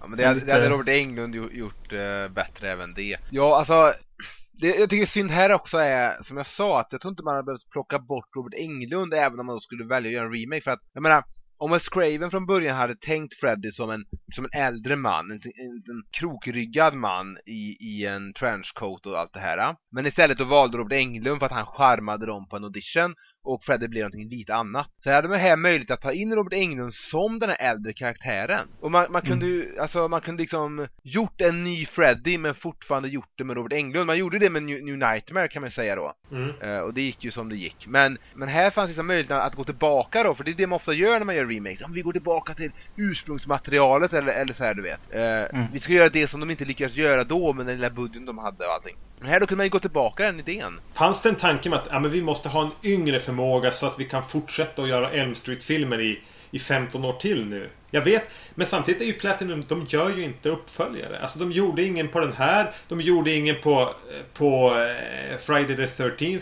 Och de lyckades på, på Texas Chainsaw så gjorde de en prequel några år senare och sen släppte de det igen. Alltså de verkar ganska ointresserade av att bygga franchise. Men jag tror det, det är nog mm. svårare än, än, alltså det verkar ju så enkelt. Jag menar, se bara på 80-talet, den där skräckfilm fick ju en, en uppföljare inom ett år. Men jag tror det är svårt alltså, för jag tror även den här, både, den här blir ju dock väldigt, väldigt, alltså den, den gick väldigt bra första helgen. Och sen så gick det åt helvete för den. gjorde väl även lite då för den 13 remaken men den här fick ju väldigt dåliga recensioner. Den blev mm. väldigt nedskriven med en gång. Mm. Så jag tror inte liksom att det fanns liksom, dagen efter den här filmen gick upp tror inte det fanns så mycket pepp längre hos Platinum Dunes. Jag tror inte det fanns mer pepp för att, för att eh, Friend 13-remaken fick ju ändå lite delad kritik. Det fanns ändå, ändå en del fans som tyckte om den, även om många också hatade den. Så där fanns ändå att, ja men vi gör en uppföljare och gör det ännu bättre, vi sätter, vi gör det snöigt och allt de vill göra med Camp Crystal Lake den här gången. Men här mm. tror jag det bara var så att all, luften gick ur med en gång. Mm. Ja men precis. Eh, och eh, jag skulle säga att det är den här eh, Samuel Bayer, eller vad han heter, fel. Som har gjort, regisserat den här och även ett otal musikvideos. han blir nästan, alltså han hade blivit förfrågad, han är ju kompis på något sätt med Michael Bay. Han är väl känd för att han regisserar bland annat den här Nirvana som jag Teen Spirit-videon i början av talet. Eh, men han blev, alltså han blev väl tillfrågad, nu vet jag inte exakt vilka filmer, men det var Amityville Horror vet jag, den remaken som är rätt bra. Eh, mm. Och några fler, alltså Michael Bay ville verkligen att han skulle göra en film åt dem. Ja, men då är han ju van vid eh, att jobba med den där tröjan i alla fall. Från den videon. Eh, men, Jaha, ja, nu äh, jävlar, nu kopplar jag. Först tänkte jag såhär, Amityville Horror, vadå? Har Ryan Reynolds ja, nej. Ja, men nu kopplar jag. uh, men sen, för jag menar, även han har snackat ner filmen själv i en intervju kan min, minnas. Sen vet jag att Rooney Mara har snackat ner filmen och han, jag tror det är Kyle Gallner i ett samtal med Kevin Smith, för han var ju även med i Red State, Kevin Smiths film. Då snackar mm. massa skit om den här produktionen då, att, liksom att ja, allting var bara skit och alla visste om det på något sätt. Det känns bara som en film som mm. inte sitter ihop och jag tror att Samuel Bayer egentligen inte är en, en filmregissör, bara för att han kan göra musikvideo och reklamfilm. Det, det skillnad för Fredag 13-remaken där han Marcus Nispel ändå, även om jag inte gillar den filmen så det är han ändå en regissör. Jag tror att Samuel Bayer helt enkelt är en värdelös regissör lik den kvinnan som regisserade Freddy's Dead. Rachel Talalay. Ja. Mm. Jag orkar, inte, jag orkar inte ens lägga ens namn på min... Borde han inte då kunna åstadkomma, om man kan göra musikvideo, borde han väl kunna fått ihop en mardröm som åtminstone har någonting åtminstone lite kusligt i sig. Ja men det var väl, var inte också lite det man, man då trodde på så här, men nu jävlar med all, alla de här, för att Platinum Dunes gör ju rätt snygga filmer och, eh, och med tanke på datoreffekter och allt som man kan nu till så var det ändå det man hade förhoppningar på då, att men fan, det kommer ändå vara jävligt otäckt och se jävligt grymt ut. Men eh, i slutändan så är allting rätt mjäkigt och inte så minnesvärt. Men en, eh, en i alla fall visuellt tillfredsställande scen eh, tycker jag är när hon är där på, på apoteket och eh, är mellan två såna här rader med medicin eller vad det är och han kommer gående i, i den här drömmen i pannrummet och så eh, linar de upp liksom de här raderna med pannrummets väggar och sådär. Eh, den är ju åtminstone liksom lite visuellt slående. Där drar de ju åtminstone nytta av den, den att tekniken har gått framåt och använder det till sin fördel. Jag kan hålla med, det är, inte en, det är, det är ingen dålig scen. Nej men också, det är också lite som att de ändå, även om de inte riktigt visste vad fan de skulle göra då, i, mm. i sina möten innan, så har de väl ändå liksom gjort lite grundläggande research i alla fall, lagt fram sig tanken, brainstormat så här, gjort en mindmap om att, men, men det här med drömmar, hur drömmer man, vilka drömmar? För eh, jag minns någonting om att i en film tidigare här så var det barn som drömmer, så kunde Freddy använda det, bla bla bla. Mm. Och så har de ändå kommit fram till att, jo men koma fan, då drömmer man hela tiden. Jävligt häftigt. Och även det här vad händer om man är så trött att man somnar lite då och då hela tiden? Mm. Som de pratar om här när de kallar det micronaps eller någonting. Det är en jävligt smart idé om det nu är alltså, vetenskapligt korrekt då, men Ja. det är också Ja. en häftig idé liksom. Varför, varför inte? Jag tycker det funkar rätt bra, men Mm. Men där, där, där är de ju mitt inne i, i, för mig, filmens värsta parti också. När det ska liksom, de har bara, ja nu vet vi, nu kör vi. Woho! Och så spenderar de kanske en kvart eller 20 minuter med att bara köra till olika platser och göra olika ärenden på vägen mot, mot målet. eh, Den här skolan som de ska till. De kunde lika gärna stanna och käka hamburgare också. I Eh, princip. Men de måste ju till sjukhuset för att hämta adrenalinet som de sen använder för att väcka upp Onykomat. Det är ju sådana här manusnödlösningar som Ja, leder dem fram till... Ja, det är så illa. Ja, nej, jag vet inte. Jag måste hämta mer medicin. För vad då? Nej, jag, jag vet inte. det är väl då, Jag måste det är ha då man ändå uppskattar Ronny Hughes kanske effektivitet eller att inte har med allt det här. Utan det var klipp interiör till interiör, nu slåss de. Eh, när jag såg trailern fanns det en sak jag tänkte bara oj! Eh, som jag tänkte det här finns potential. Jag tänkte lite oj. Ska de göra Freddy Krueger att han har varit oskyldig? Ja, Mm, ja men det, för det, det antydde de i trailern till den. Jag tänkte det hade kunnat vara intressant och det hade jag med mig en bit när jag tänker på den här. Att, ja men mm, det hade varit en bra idé. Nu använder de inte det. Så den kan vi stryka från pluskontot på remaken. Men, men, men du tycker det fortfarande liksom när du har sett den igenom nu? Den här hade varit bättre om han hade varit oskyldig. Ja men någon, någonting nytt i alla fall. Antagligen gjort Freddy till en gammal karaktär spelad av Englund. Eller någonting sådär, twistat till det. Bytt helt hans kostym till exempel kunde man ha gjort. Eller då precis då gjort att men han var ändå oskyldig och att hans hämnd är motiverad och vi får liksom, vi får sympatisera med honom på något sätt i hans hämnd. Eller någonting, gjort någonting fan konstnärligt med det. Mm, det är ju lite mer japanskräck-linjen också, kanske. Men jag, jag minns också nu, kom jag på att när den här filmen skulle komma så vet jag att de fick göra en massa reshoots i sista sekunden och sådär. Ja visst var det så. Ja, jag minns någonting att de spelade in på en, ehm, eh, en lekpark eller någonting som är med i den här filmen i sista sekund och sådär. Så att jag, jag tror bara det, det har varit en produktion som inte suttit ihop. Att de, de fick liksom rättigheten till Freddy. Som ändå är, det är ändå den heliga kon, eller det, det man, där man vill ha liksom. Man vill ha honom mer än Leatherface eller Jason. Eh, inget ont om eran Jason-kärlek, men, men så var det som att man väl hade det så blev det lite tight om tid och man visste inte riktigt vad man skulle göra så att det blev så här. Ja, och, och egentligen det de skulle ha behövt göra tror jag är att vad det, bara klippa bort en massa onödigt. Den skulle ha varit 1.20.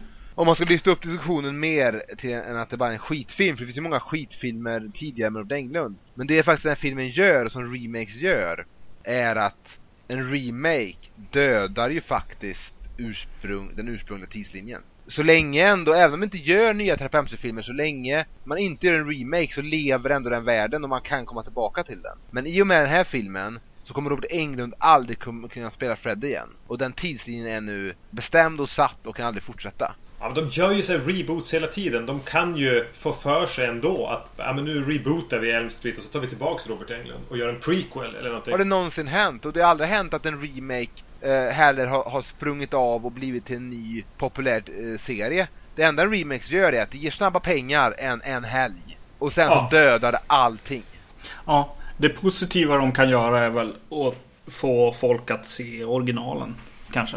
Ja, men det brukar man också försvara det med. Men jag tycker liksom originalen finns där ändå. Ja, precis. Och så, fan, så svårt det. är det inte att, att komma i kontakt Lys- med en terapeut. Nej, precis. Man kan lyssna på våran podcast och så slipper man se remakes för att få koll på gamla skräckisar. Mm. jag, tycker bara det, det, jag tycker bara det sorgliga liksom, slutet på allt detta är att, att den här remaken var ju spiken i kistan på Terapemsit-serien. Och Robert Englund hade ju ändå, under alla år som gått, den New Line Cinema inte gjort Terapemsit-filmer av någon anledning. Det, fan, det fanns många filmer kvar i, med Robert Englund och de kommer aldrig bli till. Eh, Det, det är ju blev ju tydligt uppenbart för mig först när eh, spelet, eh, de gjorde ett, ett nytt Mortal Kombat-spel för något år sedan.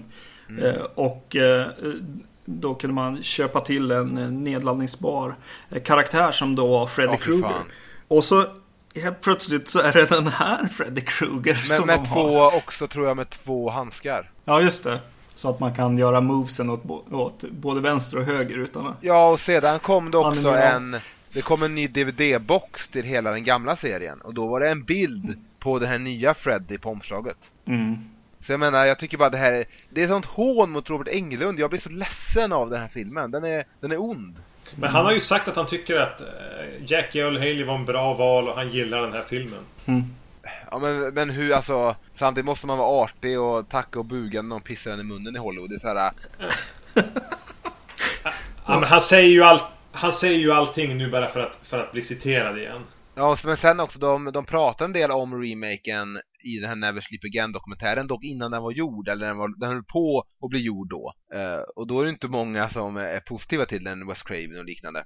Uh, men det är klart att Robert Englund inte kommer snacka ner en, en, en kollega i branschen sådär, men uh, fan, det, det, är för jävligt att inte han fick spela Freddy ändå. Jag håller med. Det hade varit mm. bättre. Han hade, med tanke på mängden makeup han har så hade det ju inte, gör det ju ingenting att han har åldrats heller.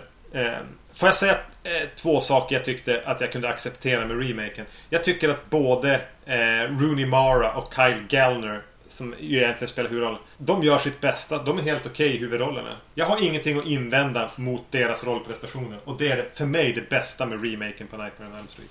Ja, det tråkiga mm. med det, jag, jag förstår vad du säger och jag kan hålla med. Men bara för om några spelare är väldigt, väldigt bra i en värdelös film där inte jag bryr mig om riktigt vad de är ute på för äventyr. Så spelar det väldigt lite roll. Såhär summa kardemumma. Mm. Och för mig just den här grejen att eh, jag ser den som en japanskräckis. Och nu när jag såg den igen så är det ju... Min det... Blu-ray. ja, precis. Nej men så är det ju det, eh, det tragiska på något sätt är ju att det är ju i sin tur då en amerikansk remake på en Japan-skräckis. Som man blir bjuden på. Det är ju inte alltid bra heller. Det jag, tar, okay, det jag tar med mig då som tycker är bra med den här filmen. Eh, om vi, om vi frånsett då kanske det här med, med koma och det här att de ändå leker med drömmar på ett annat sätt. Eh, så är det ändå att de ljussätter väldigt mycket med rött och grönt. De två kontrastfärgerna. Ja. Det tycker jag är någonting som de kanske inte de kunde använt de tidigare filmerna de inte gjorde. Det, var, det är en rätt smart idé. Så att, att en signal för att Freddy är nära, just det här att det, som på kaféet i början och så här, att det blir rött ja. och grönt. Det, det, de skulle fan ha satt den på jul också. Ah, ja. menar du juletid eller att den ska rulla fram? Vad menar du? Nej, på juletid. uh, ja, ja. Vi släpper det här eländet här. Ja. Och nu har vi då gjort varsin lista på... Vi har rangordnat de här nio filmerna vi har pratat om. Ja. Jag är skitnervös inför det här så jag kanske rent ska börja. Eh, jag tror att folk kommer att sluta lyssna på den här podcasten. Eh, men...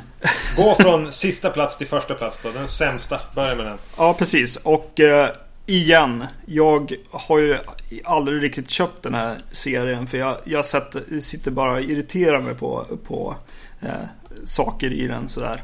Men jag kan uppskatta liksom hantverk och sånt. Sådär. Så. Okej, okay, vi börjar väl med nian då. Och det är A Nightmare on Elm Street 5. Uh, The Dream Child. Som bara är trams.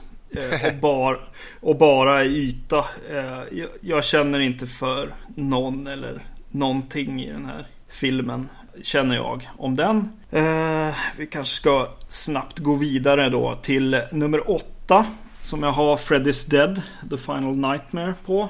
Som på något sätt eh, ändå är en hyllning till vad som är fel med Freddy Krueger. Och kanske är då anledningen till att jag inte var så himla negativ mot den. För att jag tycker snarare att den highlightar problem än skapar problem. Nummer sju så är det A Nightmare on Elm Street 4 blir det. The Dream Master. Och eh, Ja, nej jag vet inte. Jag, jag gillar idén i den. Eh, de, eller idén är det ju inte, men jag, att jag får läsa in eh, Freddy Krugers Breakfast Club. Eh, det är lite charmigt. Eh, på sjätte plats kommer A Nightmare on Elm Street från 2010, alltså remaken. Ja, igen så gillar jag vad heter det, Freddys motiv på något sätt i den här. Att inte döda dem och Japanskräckisen hålla dem liksom Eh, ja, räddare och räddare tills de helt eh, till slut kollapsar. Eh, eh, men ja, jag kanske skulle också tycka att de skulle ha, en, eh, ha honom oskyldig här. Men eh, det är otroligt dåligt genomfört och jag gillar inte Freddy och jag gillar inte eh, hur seg den är och ja, hur den är ihopklippt. Eh, och användningen av nya, gamla scener och nya scener.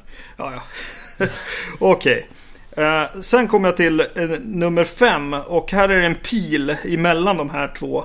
Eh, mellan fyran och femman. Så det, de här har bytt eh, plats eh, lite av och till faktiskt. Och eh, nu så blev det så att eh, på nummer fem eh, blir A Nightmare on Elm Street eh, 3 Dream Warriors. För att eh, Ja, nej men jag vet inte. Jag, man vill ju ge den cred för att den sätter reglerna och, och sätter liksom tonen. Eh, definitivt. Men eh, jag gillar inte riktigt reglerna och tonen. Så då kommer vi till fyran. Och det är A Nightmare on Elm Street 2, Freddy's Revenge. Ja, jag gillar det här besättningsmotivet som Freddy har. Eh, och jag, jag, köper det lite mer än, än, än, än att han liksom bara kan mörsa hur han vill i, i drömmarna utan att han behöver den här kroppen och att han eh, och jag gillar också att eh, det känns härligt mörkt med en seriemördare som hjälte som hör röster som säger åt honom att döda och att det är Freddys röst är ju charmigt på något sätt. Trean, Freddy vs Jason, kul film. eh, och eh, så, ja, Ja men och kul med den här slutstriden på ett sätt också. Och, och på något sätt så tycker jag att det är kul att de har den här pappan med också. Att de orkar med en subplot. Sen nummer två är New Nightmare. Eh, Wes filosoferar och eh, gör en film eh, som fortfarande är lite läskig fast att det har funnits, ja vad är det, sex filmer före den. Så lite respekt för det. Eh, och eh, på första plats är originalet Nightmare on Elm Street. Eh, med, Naturligtvis. Ja, där Wes Craven har väldigt bra idéer och har skapat ett, ett klassiskt monster. Och där han också får ta upp idéer kring ungdomars förhoppningar och drömmar och vuxenvärldens tillkortakommanden. Eh, som jag gillar mycket. Vi får ju se om någon eh, överraskar på första på topplaceringen. ja, precis. Eh, så det är min lista. Respons på det, Emil? Uh, Freddy vs Jason ligger för högt. Remaken ligger för högt. Toppen känns väl... Uh, topplaceringen där känns väl rätt väntade men också bra. Mm. Ska, ska, vi släppa fram dig som gäst då eller? Vill du avsluta kanske? Uh, nej, det är väl upp till vad ni tycker. Jag kan... Ja, men jag kör nu så får du avsluta, det blir kul. Yes. Okej. Okay. Mm.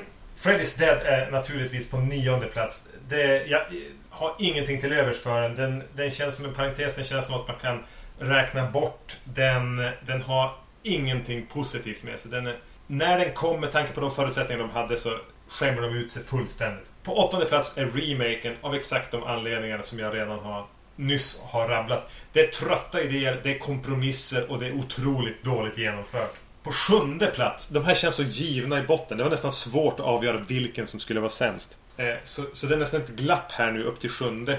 Och där satte jag femman, The Dream Child. Bara för att den, den, den blåser upp ett slags luftslott eh, med effekter och spektakel utan några idéer. Det, det, det, det blir tråkigt. Det blir inte obehagligt och den, den, den, visar väl ett väldigt praktexempel på när, hur serien bara kantrar ännu mer. På sjätte plats satte jag, trots att jag någonstans tycker om den, så satte jag tvåan, Freddy's Revenge här på plats nummer sex. Den är skev och den sticker ut ur serien på ett eget sätt som inte bara är negativt. Men samtidigt så har jag svårt att riktigt tycka om den. Den, eh, den missförstår hela serien och den passar inte in, på gott och ont. Men den, den hamnar ändå här på, på sjätte plats.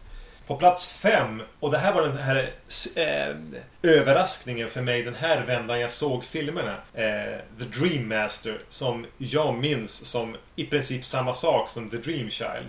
Men här var den när de gjorde den här roliga, glättiga Freddy så var det här det, det bästa de kunde åstadkomma. Och den Eh, precis som för Magnus så var det så här, mellan plats 4 och 5 så var det ganska jämnt. Jag velade hit och dit, flyttade, flyttade fram och tillbaka. På plats 4, Freddy vs Jason. Jag tycker fortfarande det är en, det är en kul film. Freddy, eh, och, versus, Freddy och Jason möts i ett Scream-universum.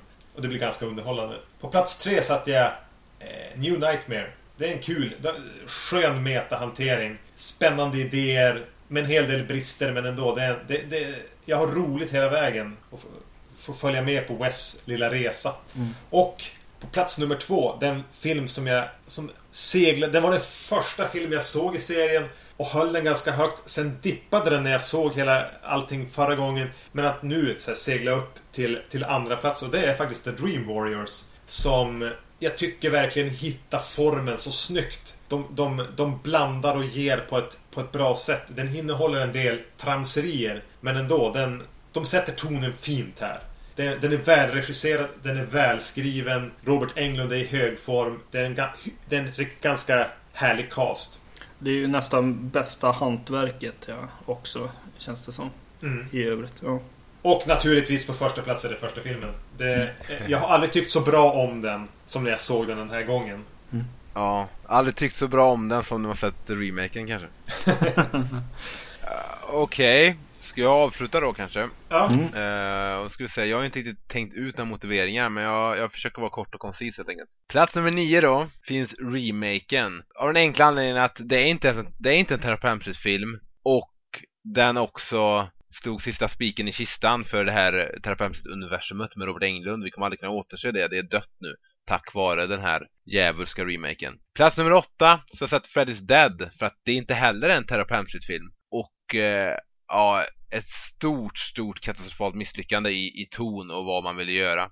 Plats nummer sju har jag sett Freddy vs Jason för att det också är en fruktansvärd film och behandlar den här eh, Trappa universumet och Freddy-karaktären väldigt illa. Men samtidigt så blir den lite ursäktad i att det var, det var svårt att få gjord och det är ju väldigt svårt att, att um, sätta Freddy och Jason i samma film och låta dem mötas så att den, den, den kan ursäktas lite ändå. Plats nummer sex har satt The Dream Child, femte filmen. Och även om den har en lysande början, en väldigt bra första scen och första mardröm som lovar någonting så faller den väldigt snabbt efter det och eh, är fel på så många sätt. All, från Freddys makeup till att inkludera det här barnet eh, och allting. Plats nummer fem, mitten på listan, så jag har sett Freddys Revenge. För att även om det är en väldigt, väldigt dålig uppföljare till första filmen så är, känns det ändå som en uppföljare.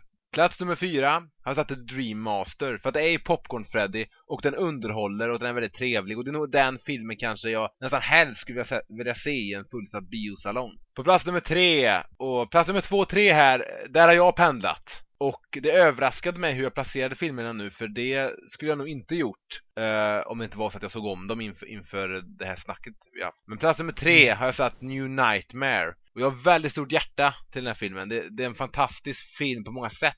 Men kanske mer idé än på många sätt utförande. För att den har ju också brister som jag pratat om. På plats nummer två då, så jag satt, precis som Erik då, uh, The Dream Warriors. För att det här Freddy är Freddy. Det här universumet liksom är universumet. Och det här också budgeten limmar med vad man vill göra. Effekterna sitter. Mardrömmarna är uh, berg och men de är, de är ändå tillräckligt mycket otäcka och lika första filmen. För att på plats nummer ett har jag satt första filmen som jag tycker är ett, ett mästerverk. Små skavanker som följd av ålder och budget men eh, första filmen är ett mästerverk. En av de bästa skräckfilmerna som gjorts. Topp fem skräckfilmer någonsin. Mm.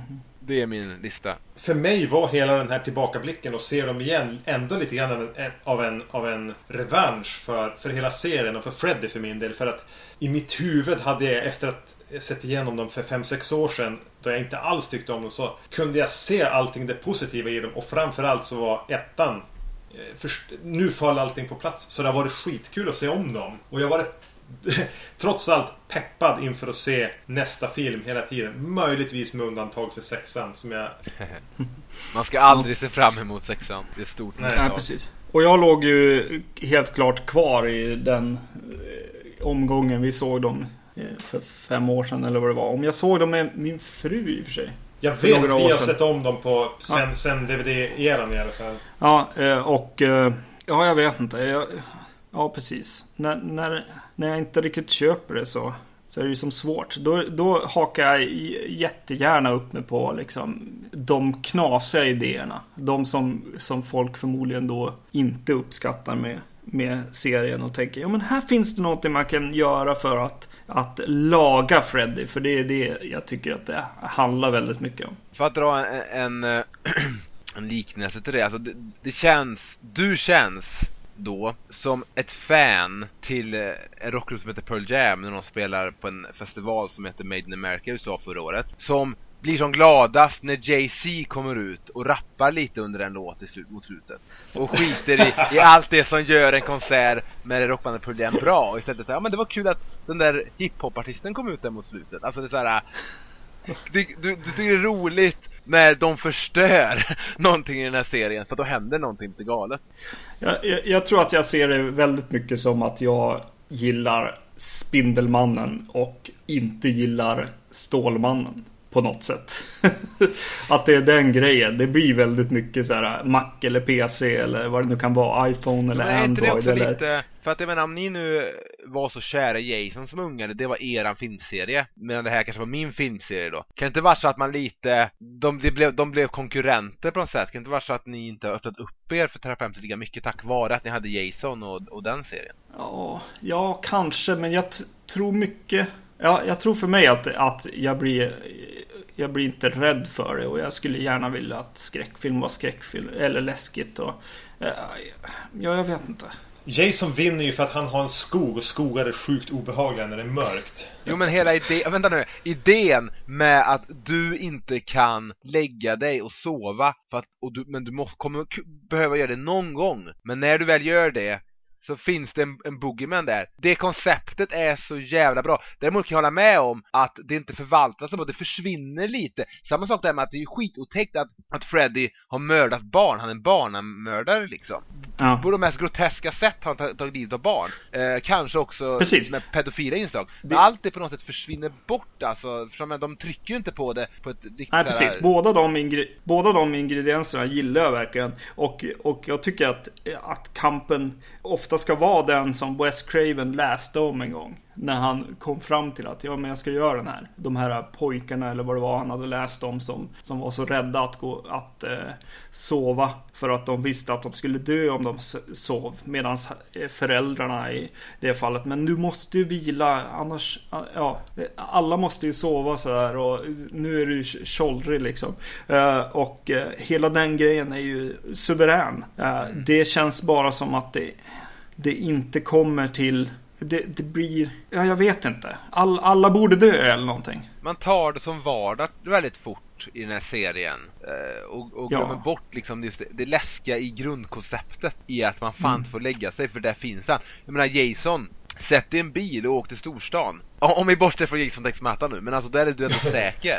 Mm. Och egentligen, så länge, du, så länge du springer och kollar bak på Jason så, så kommer han aldrig kapp heller, han går ju bara. Det är ju problemet är när man tittar mm. bort, då kan han ju plötsligt teleportera sig. Mm. ja. Det känns som att Elm Street-serien på något sätt tappar bort det som hade kunnat göra den sjukt obehaglig. Men samtidigt med det här konceptet att inte få sova. Samtidigt är det ganska svårt att göra film på bara det konceptet. I och med att det skulle bli en ganska trist film. Det skulle... ja, ja, många filmer i alla fall. Ja. Det går även att göra någonting mot slutet av första filmen som är intressantare också. Så, som sagt, jag, jag tycker ju att den blir, den blir konstig i slutet och jag Ja, jo men så, inte riktigt. det håller jag med om och det, och det gör ju att, att hela serien blir lite skakig men som ja. jag säkert sa i det avsnittet att ser man första filmen som en isolerad sak och som ett isolerat mästerverk så tycker jag inte det slutet, det sagolika slutet där hon vänder ryggen åt ondskan tycker jag inte är dåligt. Nej, det blir när de måste hitta på nya sätt varje gång att försöka samtidigt göra det lite sagolikt, samtidigt komma på någonting nytt så blir det ganska väldigt fort löjligt. Men för jag menar, man kunde ju i trean då ha förklarat vad fan det var som hände om man hade velat. Men istället så blir det bara så här, nu dyker Nancy upp igen här, men vad hände med ens mamma egentligen? Vad hände med alla? Och hon iväg i en bil mot slutet och skrek och hade sig. Och sådär. Ja, och alla Det blir som, en, det blir som elefanten i rummet på något sätt, man inte vill prata om. mm. Ja, nej. Eh, svårt.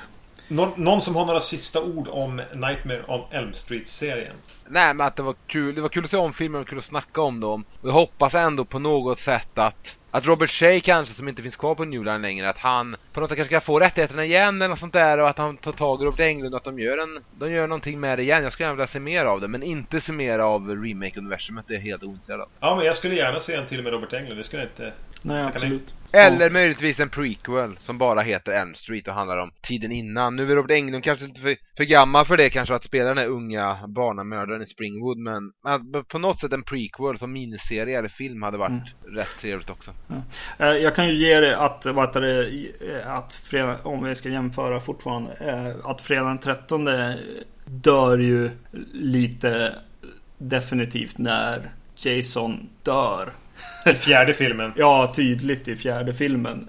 Då blir det ju lite liknande att jag, att, man, att jag har mycket svårare att köpa det. Och det är då, det är då Kane Hodde stiger upp som det här brutala fasansfulla monstret av bara ren aggression och jag sitter som, som, som fast framför tvn och hurrar. Och jag gör som Nancy och vänder honom ryggen till så finns han inte. Ja, och, det gjorde, ja, och det gjorde de även med Fred vs Jason, det såg ni.